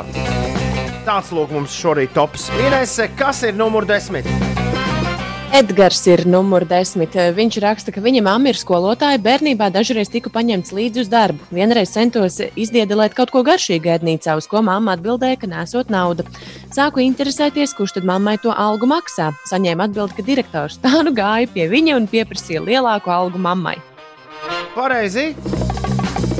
Maksā ragā. Kristai 9. vieta. Labrīt, mamma kādreiz bija dežurante bibliotekai. Bibliotekai, jā, kad tikko bija uztaisīti publiskie interneta punkti, un vienu reizi viņi man pakluso palaida tajā bibliotekā, lai pasēž pie datora.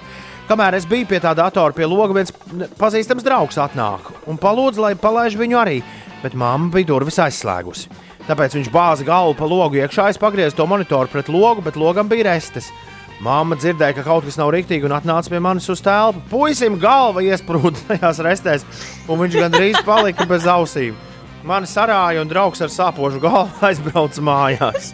Paldies, Krista! Brīnišķīga.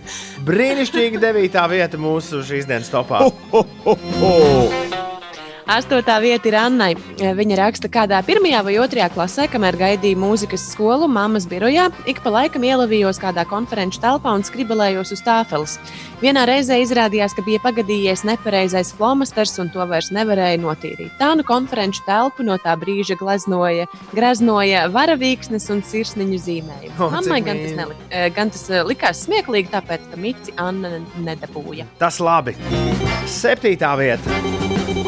Anonīms iesūtījis šo. Mana mamma strādāja kafejnīcā. Pēc būciņa piegādes es ruletītēs izēdu žēlējas kubiņu pildījumu. Atstāju tikai pirmajai un pēdējai. Tā arī nevarēja atzīties, jo māma Nikne zvanīja piegādātājiem, un tad vairs nedrīkstēja stāstīt. Īstenībā tepat varētu klāt pielikt arī Anģiņu un Evu, jo viņiem abiem ir stāsti par eh, mammu, kas strādāja veikalā. Ah, Eva jau Oma strādāja veikalā, un, un tur ir tāda lieta kā sveramās konfektes. Jā. Un bērns jau nesaprot, ka nevar paņemt, pagraust un nolikt atpakaļ. Jā. Sestā, sestā vieta. jā. Sastajā vietā, jā, sastāvā vieta ir Kārlim. Tēta bijušajā darba vietā, palielā zāļu lieltirgotavā, kur viņš strādāja par datorsistēmu administratoru, bija tāds tehniskais kambarītis ar instrumentiem un lodāmuru. Es vēl mācījos tehnikumā un izdomāju, ka vajag salabot eh, barošanas bloku kompim. Aizbraucu pie tēta, izjaucu bloku, salodēju un eh, slēdzu pārbaudīt. Nepamanīju tikai, ka izjauktais bloks ar visiem kontaktiem stāv uz metāla galda. Rezultātā blīkšķis un izsisti korķi veselam stāvam. Auč! Uz veselību. Laumai piektā vieta. Mans tēvs strādāja metāla apstrādes uzņēmumā. Lielas telpas un visādas interesantas lietas. Visbiežāk mums ar brāli patika pa cehu braukt ar rohlām.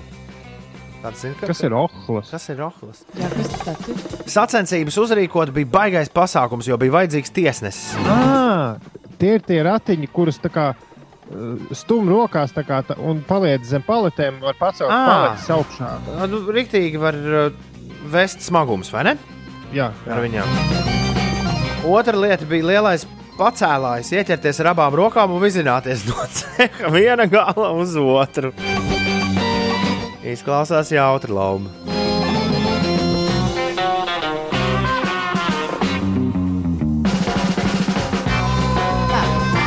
Ceturtajā vietā ir mums kāds anonīms eh, klausītājs.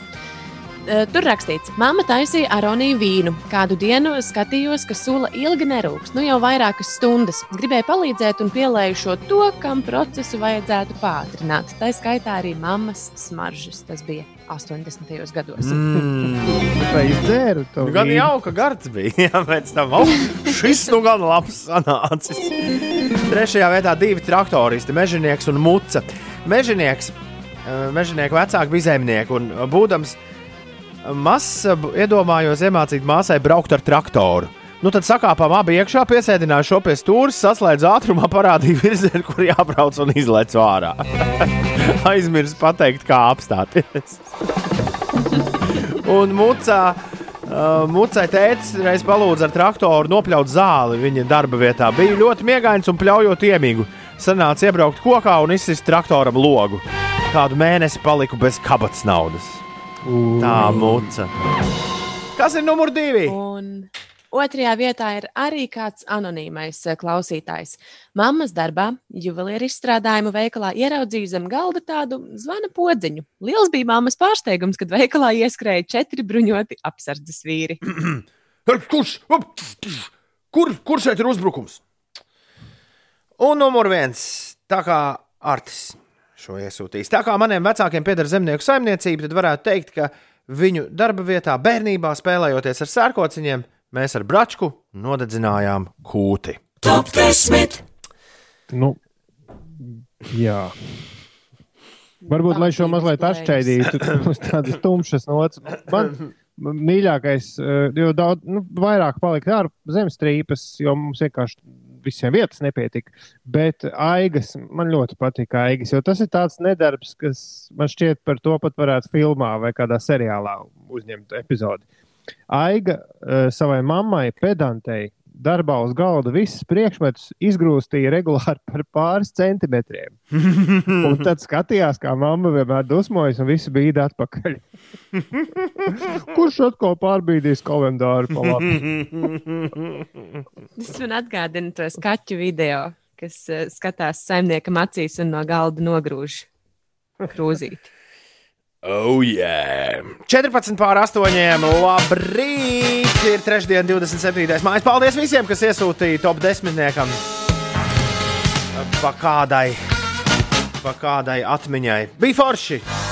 Paldies jums! Kopā mēs esam spēks! Atvainojos, tev ir pierādījumi. Jā, man ir. Man ir. Uh, Vari parādīt? Nē, nerādīšu. The world is waking up. And change is coming. Change is going on already. Dear Greta. Trešdien, 27. maijā, esam visi satikušies dienā, kad skaujam un ar izziņām jā, apmētājam dzīdras, dzīdrus, uh, gunitas un loretas viņiem vārdu dienas. Dzīdra, dzīdris, gunita un loreta ierakstīta kalendārā. No Outcast Andrei 3000, 3000 jā, Andrei 3000 viņa dzimšanas diena, Džēmijam Oliveram un Hestonam Blumentālam. Diviem džekiem, kas māca uztaisīt interesantu ēst. Jā, viņiem dzimšanas diena, Baba Folam, Senegāļu basketbola spēle. Šodien ir dzimšanas diena. Un uh, dziedātājai Kristīnai Zahārovai arī dzimšanas diena. Daudz laimes dzimšanas dienā, lai viss izdodas! Lai viss pa pirmo! Pieci. Uzgriez un ir. Es zināju, ka es visu laiku teicu pareizi, bet vecais jūras vilks man vakar, vakar izsita no sliedēm šīs dziesmas sakarā. Jo vakar topu jā, atskaitot, atskaitoties par to, kas noticis topā, pirmdien, pirmdien tas bija. Volfs pieteica nu pat dzirdētās dziesmas izpildītājus šādi. Jā. Astoņi. Uz augšu par vienu pozīciju Benija un Gāzes Depertona ar Super Lonely. Bet nav viņš nekāds depertons. Viņu raksta ar diviem P burtiem, un tāpēc viņš ir, kā saka, Google kārtīgs. Dāperton. Dāpertons! Benija un Gāzes Dāpertons. Nu, pat jūsu, viļ- jūsu radioaparātos, vai planšetēs, vai datoros, vai jebkur citur. Būs atkal pelēcis jābar. Dapertons. Dāper, dapertons. Pelēcis. Nu, jā, pelēcis atkal izrunājis. Depertons viņam. 8,23. Labrīt! Ines, kas notiek? Nu jau arī Rīgas ielās mazliet sastrēgumi veidojas. Eh, Zirņu ielā jārēķinās ar 6 minūšu kavēšanos, eh, Stabu ielā līdzīga situācija. Vienības gatvē 5 minūtes pavadīsiet, un Gustava zemgala gatvē posmā no Ieriķa ielas līdz Brīvības gatvē jārēķinās ar 4 minūšu kavēšanos. Eh, Un savu tiltā Ines. vieta- Jā, savu tiltā. Jā, uz savu tiltu stāv- braucot. Man patīk, ka pa- pamēģiniet vēl parunāt. Uz Uldi. savu tiltu stāv automašīna, braucot uz pārdaugo trešajā joslā. Joprojām tur ir šobrīd atbraukusi laikam policija. Bet uh, sastrēgums liels nav, bet satiksme ir krietni lēnāka un jābrauc uzmanīgi, jo tā tomēr ir trešā josla. Pie zaķu salas. Jā, tur ir Pārdaugava. notikusi avārija, vai ne? Mhm. Jā. Uh, ierastā sastrēgumu vietu uz Jālgavas šoseis Dalbe uh, jaunolaine, tur ir 24 minūšu kavēšanās. Un par gaidāmajiem laikapstākļiem maija noslēgumā Ukrainā un Baltkrievijā gaidāms ciklons. Tā ietekmē Latvijā pūtīs brāzmains ziemeļaustrumu Nē, nu vējš, un nē. laiks būs mēreni silts. Iespējams, ar ciklonu saistītie lietus mākoņi nemaz neskars Latviju, bet lielākā nokrišņu varbūtība nedēļas nogalē ir gaidāma Latvijā un Sēlijā. Bet brāzmains vējš. Būs diezgan vējains, jā, 13, 18 m2, bet būs diezgan silts, plus 15, plus 20 grādi. Jā, nu nevajag brāzmainu vēju. Varbūt nevar sarunāt 15, 20 bez brāzmainu vēju. Kā tur bija Latvijā? Un nākamnedēļ Jā, ir iespējams līdz pat plus 26 grādiem. Ne, tas jau pa daudz ir. Latvijā kā tur bija jūlda? Mēs, man liekas, vienreiz izrēķinājām. Latvijam nekad nav labi. Nē, nē, Latvijā vajag plus 23. Tas ir ne pa augstu, ne pa siltu. Man kaut kā ir šāda temperatūra, vai plus 22 palikusi atmiņā. Un tam bija kaut kāds pamatojums. Nu, nezinu, Man liekas, ka mums Pirmā reize ir kaut ko labi. tādu dzirdu. Nē, labi, paņemsim. Šajā sezonā, šajā vasarā izreikināsim paši, kā būs. Tātad, šobrīd mēs vienojamies, ka ir pa vēsu vēl, vai ne? Nu, ir, varēja, varētu būt siltāks. Tā taču ir, vai ne? Nu, nezinu, tāpēc, ka es vakar gāju vienā krekliņā un plānījā jakā un bija karsti. Man, piemēram, skrienot sapūta bišķi vējš. Varbūt, ne, varbūt ka netrāpīja iekšā. Bet šobrīd tad ir. Vakar bija plus 20, nu vēl pa vēsu. Jā. Un tagad ir jautājums, nākamais, kad būs pa karstu, un tad mēs varam to vidējo temperatūru dabūt. Kurš ir tas brīdis, kad mēs esam laimīgi par to, kas kā ārā? Ines, kā Ines saka, vienmēr nav nepiemērota laikapstākļi, ir tikai nepiemērots apģērbs. Jā. Man prieks, Ulu, ka tu esi tur- šo iemācījies. Tad jāvelk krekls nostiet pa karstu. Nu, jā, tāpēc, jo man, piemēram, arī man, man īs- īstenībā tas attiecas ne tikai uz temperatūru, bet arī uz visādām sabiedrības lietām. Man, man patīk ekstrēmas lietas. Nu, ka ir kaut kas tāds kuku reizības lietas. Tā- tad- to arī par tiem. tā- Lai gan 30 ilglaicīgi ir diezgan neizturama temperatūra. Kā dzīvo tie, kam tie 40 ir vasarās? Kā parasti par viņiem saka, ē, pie viss pierod. Arī pie tā, ka algas diena kaut kā tā lēnāk nāk nekā, nekā citos laikos. Arī pie tā jāsāk pierast. Nedēļa līdz algai, nedēļa līdz algai, brīvruna projekts. Jā, šeit Latvijas radio 5, 5 LV, 5 rītī.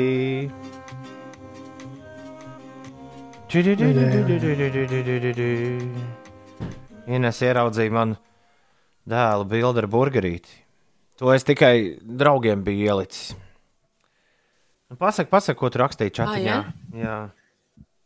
Es uh, rakstīju chatiņā, ka es ieraudzīju to bildi, kur Everts ēda burgerīti. Un, un pilnīgi siekals saskrēja mutē, jo es tik sen neesmu ēdus nu, tādu īstu. Nu, ne, ne tur zaķīšu vai, vai kādu tur burgeru, bet nu, tādu īstu. Man te, man te jāsaka, šis arī diez vai bija īsts, jo viņš bija uh, ogrē iegājis uh, nu, tajā kafejnīcā, kur dzīvo. Tev, tev, mīļā, tev mīļā kafejnīcā, kur dzīvnieciņš Migliņā ir. À. Tur man liekas, ar tāds Kāpēc man mīļā kafejnīcā? Man, tāpēc, ka es esmu pārāks tur, reizes pieķēries, ka tu tur tu man esi teikusi, ka tu tur esi. Jā, bet nedēļa līdz ne jau al- šajā bet- pandēmijas laikā. Bet nedēļa līdz algai, jā, tas par burgerīšiem. Bet, jā, bet nedēļa līdz Nedēļa algai. Līdz algai. Ai. 8 un 32 minūtes. Labi, ķeramies klāt pie kaut kam patīkamam. Metam gaisā vai grūžam aizā. Interesantās mūzikas aptauja. Katru rītu apmēram pēc pusdeviņiem. Gaisā vai aizā ir klāts. Un uh, kā mums tagad izskatās statistika? Tas turējais grib uh, pirmajā trīniekā iekāpt. Tā sanāk, jā, viņš šobrīd ir 4. vietā ar trīs uzvarām un tēmē uz trīnieku. Nu, labi, lai tā būtu. Klausās, nu, Kas tad uz to trīnieku mums šorīt tēmē? Dodamies uz Deizāli!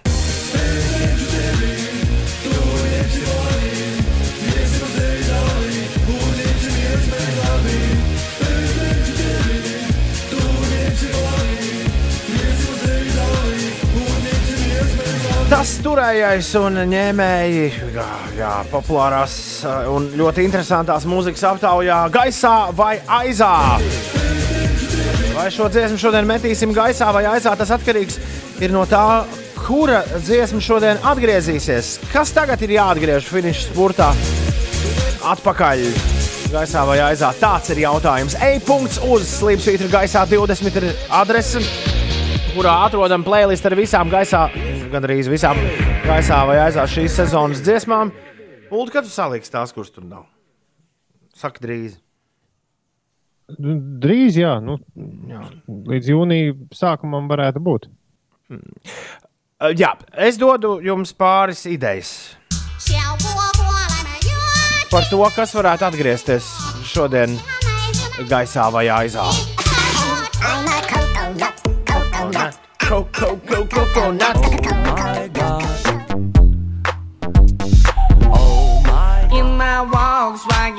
Volkswagen Passat, I'll be rolling, shalala. I got the Cheeseburger, hamburger un cheeseburger. Ka burger Cäsar?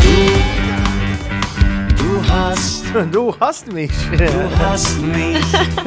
Šis bija labs. 2, 9, 3, 1, 2, 0, 2, 0. Nu, kam ir jāatgriežas? Laiks to noskaidrot. Halo, šeit gaisā vai aizā?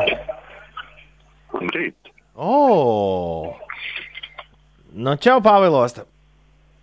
Kāpēc es taču neteicu? Es pilnīgi neitrāls cilvēks. Jā, jā, jā. Es, jā, iespējams. Visneitrālākais cilvēks visā gaisā vai aizā šajā sezonā. Nē, Mēs tā parunājām ar džekiem. Mēs gribam, ja ir iespējams, svešos atpakaļ. Tos ņēmējiem nolikt blakām, ja? Svešie ļoti skaista tāda emocija, pilna dziesma. Ir, ir gan. Uh, kā to dziesmu sauc? Uldī, kuras svešajiem bija? Uzzīmē man savu pasauli. Uz- Viņiem ir viena uzvara līdz šim. Jā. Viena uzvara. Skaisti vārdi. Šaubu nav. Šaubu nav. Nu tad no Pāvilostas pāri visai Latvijai, lai skan. Un paš, tuliņ jums uzstāsies Sančo un Paulis. Tā, lūdzu. Uzņemsim ar aplausiem grupu, lūdzu. Viņi ļoti grib iepatikties Tukuma rajona iedzīvotājiem un spēlēt jums biežāk un biežāk. Lūdzu. Hello, Šlakenbeikā! Ar pirmo dziesmu uzzīmē man savu pasauli, uzzīmē man savu pasauli, uzdāvina man savas krāsas. Kas ir tava pasaule? Kas ir šie dīvainie cilvēki, kas smejas? Kas ir šīs savādās krāsas, kuras man tā patīk? Uzdāvina man savu pasauli, uzdāvina man to. Grupa svešie ķimikālī! Lūdzu, dāvini to man! Lūdzu, dāvini to man! Lūdzu, dāvini to man! Krāsas sārā, sārā! Krāsas savādas! Oh, krāsas dienas! Krāsas, kas man izskan! Es biju pagūvis aizmirst ulu, cik varēts. Te bija grupas svešie ķimikālī ar dīvaino pasauli. Paldies! Jā, Es biju aizmirsis, cik šis ir varēts. Chemikālī, svešie uzzīmē man savu pasauli. Gaisā vai aizā? Interesantās mūzikas aptauja. Jā, 29, 3, 1, 2, 0, 2, 0. Nu, draugi mīļie! Ņemsimies mēs abi vai zīmēsim pasauli. Svešie vai grupa ņēmēji? Kurš kuru? Laiks to noskaidrot. Halo! Pirmais žūrijas loceklis šorīt būs. Āč! Mums nu, tā, ļoti patīk svešie! Es tikai par svešajiem! Par svešajiem. Kas mu... Jā, čau! Jā! Tukums! Lai dzīvo tukums! Šis ir tas klausītājs, Šis ir klausītājs, kuram patīk. kurš nekad nepasaka, kā viņu sauc. Viņam patīk, Viņš vienmēr tā. Viņam friška leta patīk. Friška la... Jā. Lūdzu, uzzīmē pasauli vienu, kas skan. Pasauli savādu, kas skan. Lūdzu, uzzīmē to man. Ok, svešie pret ņēmējiem 1-0. Nākamais zvanītājs. Halo, šeit gaisā vai aizā? Labrīt! Labrīt, kas mums zvana? Una. Sveiki, Una! Labi, Sveiki. labi ka ne Guna. Ar Gunu man nenokārtot rēķini. Bet tie ir baigi seni. Labi, Una, kur, kur dziesmu tu met gaisā šodien? Nu, par ņemšanos. Labi, metam to gaisā. Ir playoff, kā vienmēr viens viens. Es ņemšu tevi, tu ņemsi mani, es ņemšu chimikāliju, un ņemsimies mēs abi. Tas turējais ir vienā tāda kārtīga soļa attālumā no top 3. Izdosies vai nē? Un to mums pateiks trešais zvanītājs šorīt. Kā tevi sauc? Inga. Inga, ļoti svarīgs tev uzdevums, un Inga, ja tu balsos tā kā vakar, tad es zinu, kas jau ir noticis. Nu, es, protams, balsošu tā kā vakar. Tad pasaki visiem, par ko tu balso. Es par ņemšanos.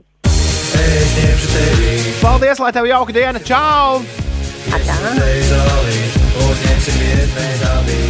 Es ņemšu tevi!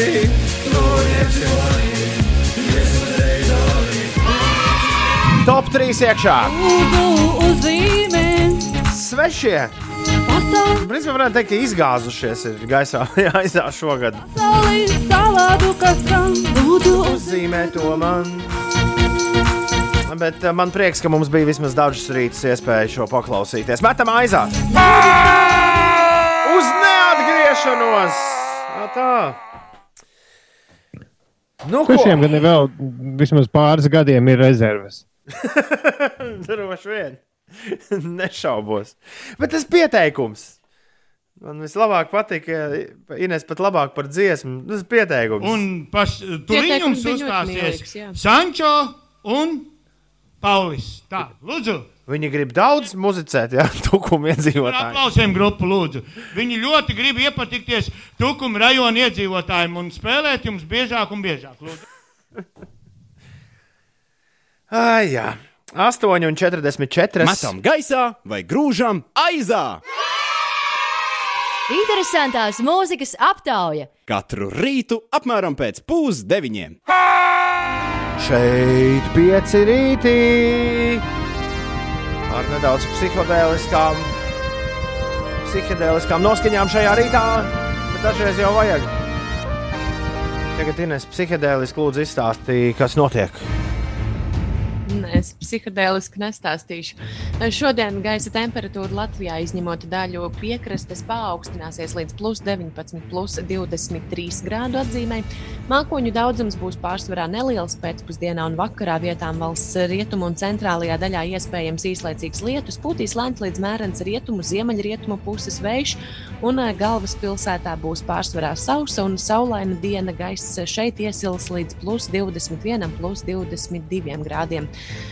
Par sastrēgumiem uz uh, ierastās uh, Jelgavas šoseis A8 no Dalbas līdz Jaunolainai ir jākavējas 25 minūtes.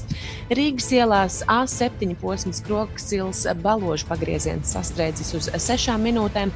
Līdzīga situācija arī Viestura prospekta pagriezienā uz Tilta ielu. Gan uh, Granīta ielā jārēķinās ar 4 minūšu kavēšanos, bet citās ierastajās sastrēguma vietās izskatās, ka situācija visai mierīga.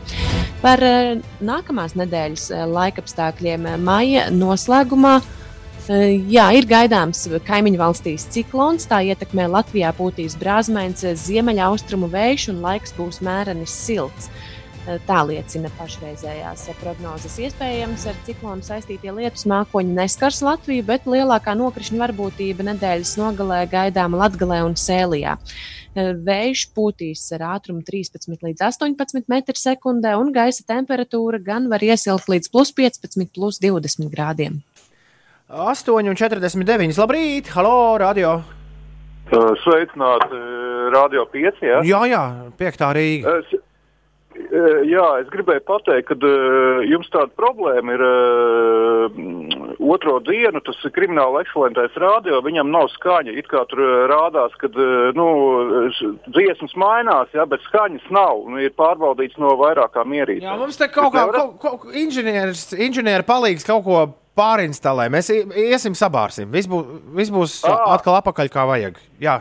Ska- Skaidrs, paldies. Pa- Paldies, ka noziņoji. Lai jauka diena. Vi-. Visu, visu, visu labu, jā. Ā, tā.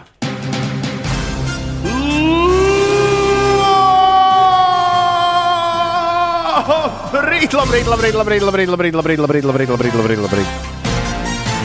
Kef.5.lv Tur Normā, šobrīd var klausīties. normāla mūzika. Stīvs Reiks tur tagad skan. Klusumā, jā. Margarita Vilcāna šobrīd nedzied, man šodien 18 gadu. Jā. Tieši šobrīd. Vakar, tagad interesantās ziņas, toties. Jā, ironiskā kārtā es arī zvanītāju nedzirdēju. Kā dot pret dot. okay.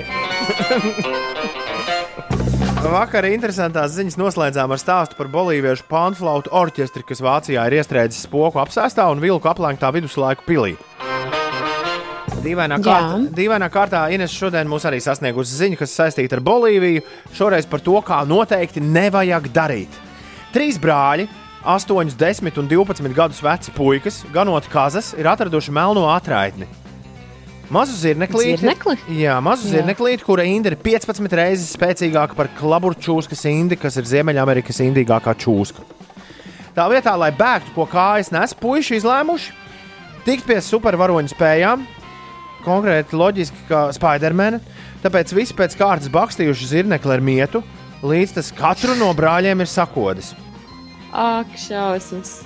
Drīz vien pēc tam raudošos puikas atradusi māma, kas aizgājusi visus, aizvedusi visus Vanabija Pīters Pārkers uz slimnīcu ar smagu drudzi, drebuļiem un muskuļu sāpēm. Par laimi melnās atrādnes kodumi reti ir ar letālu iznākumu, jo saņemtās indes daudzums ir niecīgs. Un arī šoreiz viss beidzies labi, taču visiem puikām nedēļu nācās pavadīt slimnīcā, un visiem puikām, kā mūsējie tiks pie tās melnās atrādnes? Es gribēju tagad nolasīt morāli, bet, bet mums jau viņi nedzīvojas apkārt. Bet, jā, vienādi sakot, nav ko zirneklim, zirneklim spaidīt.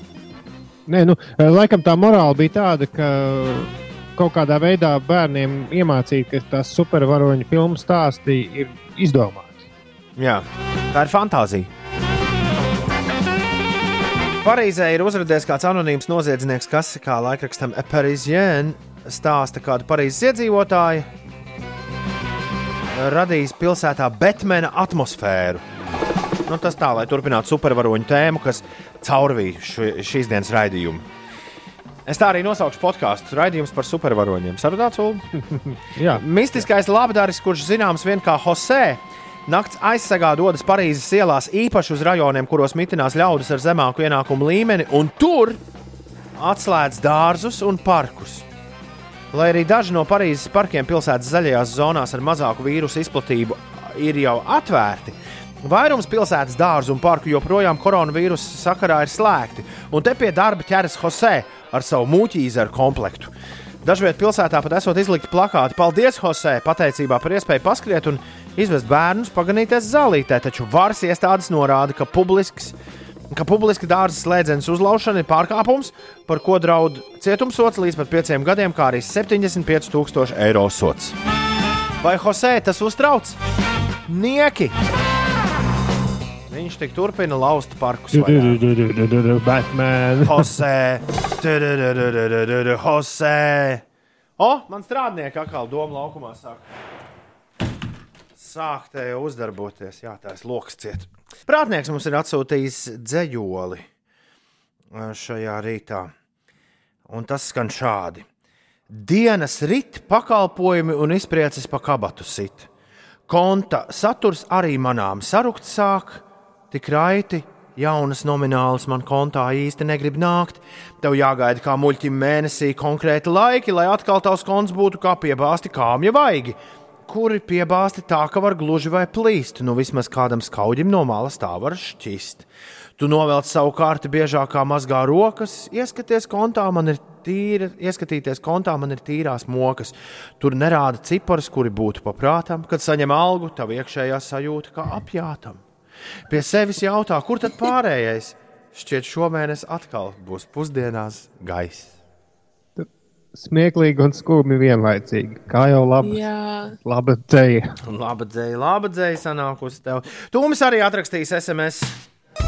Vasara, vasara, tepat jau tā ir. Saules siltums maigi atpūtā un draugi. Lai visiem izdevusies diena, lai raiterī darbi, lai smieklīgi skan un jautras dziesmu skan, lai bija san un pēni tev un man. Tūmis rakstā, jā, jā, jā, jā rakstā SMS. Oh, lab, labas, interesantas ziņas esot bijušas. Ulu. Tu šodien pacenties bija. Tā kosmonauts raksta. Smejo, smējos, pasveicinu Lauru, lai viņa pasmaida un lēnām mostas, jo šodien būs forša diena un iesim ēst jūglā labāko kebabu. Nav jau veselīgi, bet pandēmijā vienu jau var, vai ne? Dienā. Brokastu kebabs. Ah, breakfast kebabs. Nu, forši, forši, lai tiktu pie tā kebaba, jāpasporto bišķi. Es to plānoju šodien izdarīt līdz sāks mans otrais, otrais ēteris iznāciens. Tas būs pulksten vienos. Uh, Es Uldim, plānoju beidzot aiziet pagulēt. ļoti labi, ar labu nakti. Es, Uldi, tev mēģinājums? Jā, mēģinājums tūlīt desmitos. Nu, super, tad skrienam, skrienam, skrienam katrs savā tālākajās dienas gaitās, lai viss feini rīt starp 6 un 9 mēs būsim atpakaļ. Ja tu gribi mūs klausīties vēl un vēl un vēl, vēl, vēl vaļā rīti 5 LV vai arī e-punkts uz Slimsvītra podkāsts. Paldies par uzmanību! Visu labu! Atā! Atā! Atā!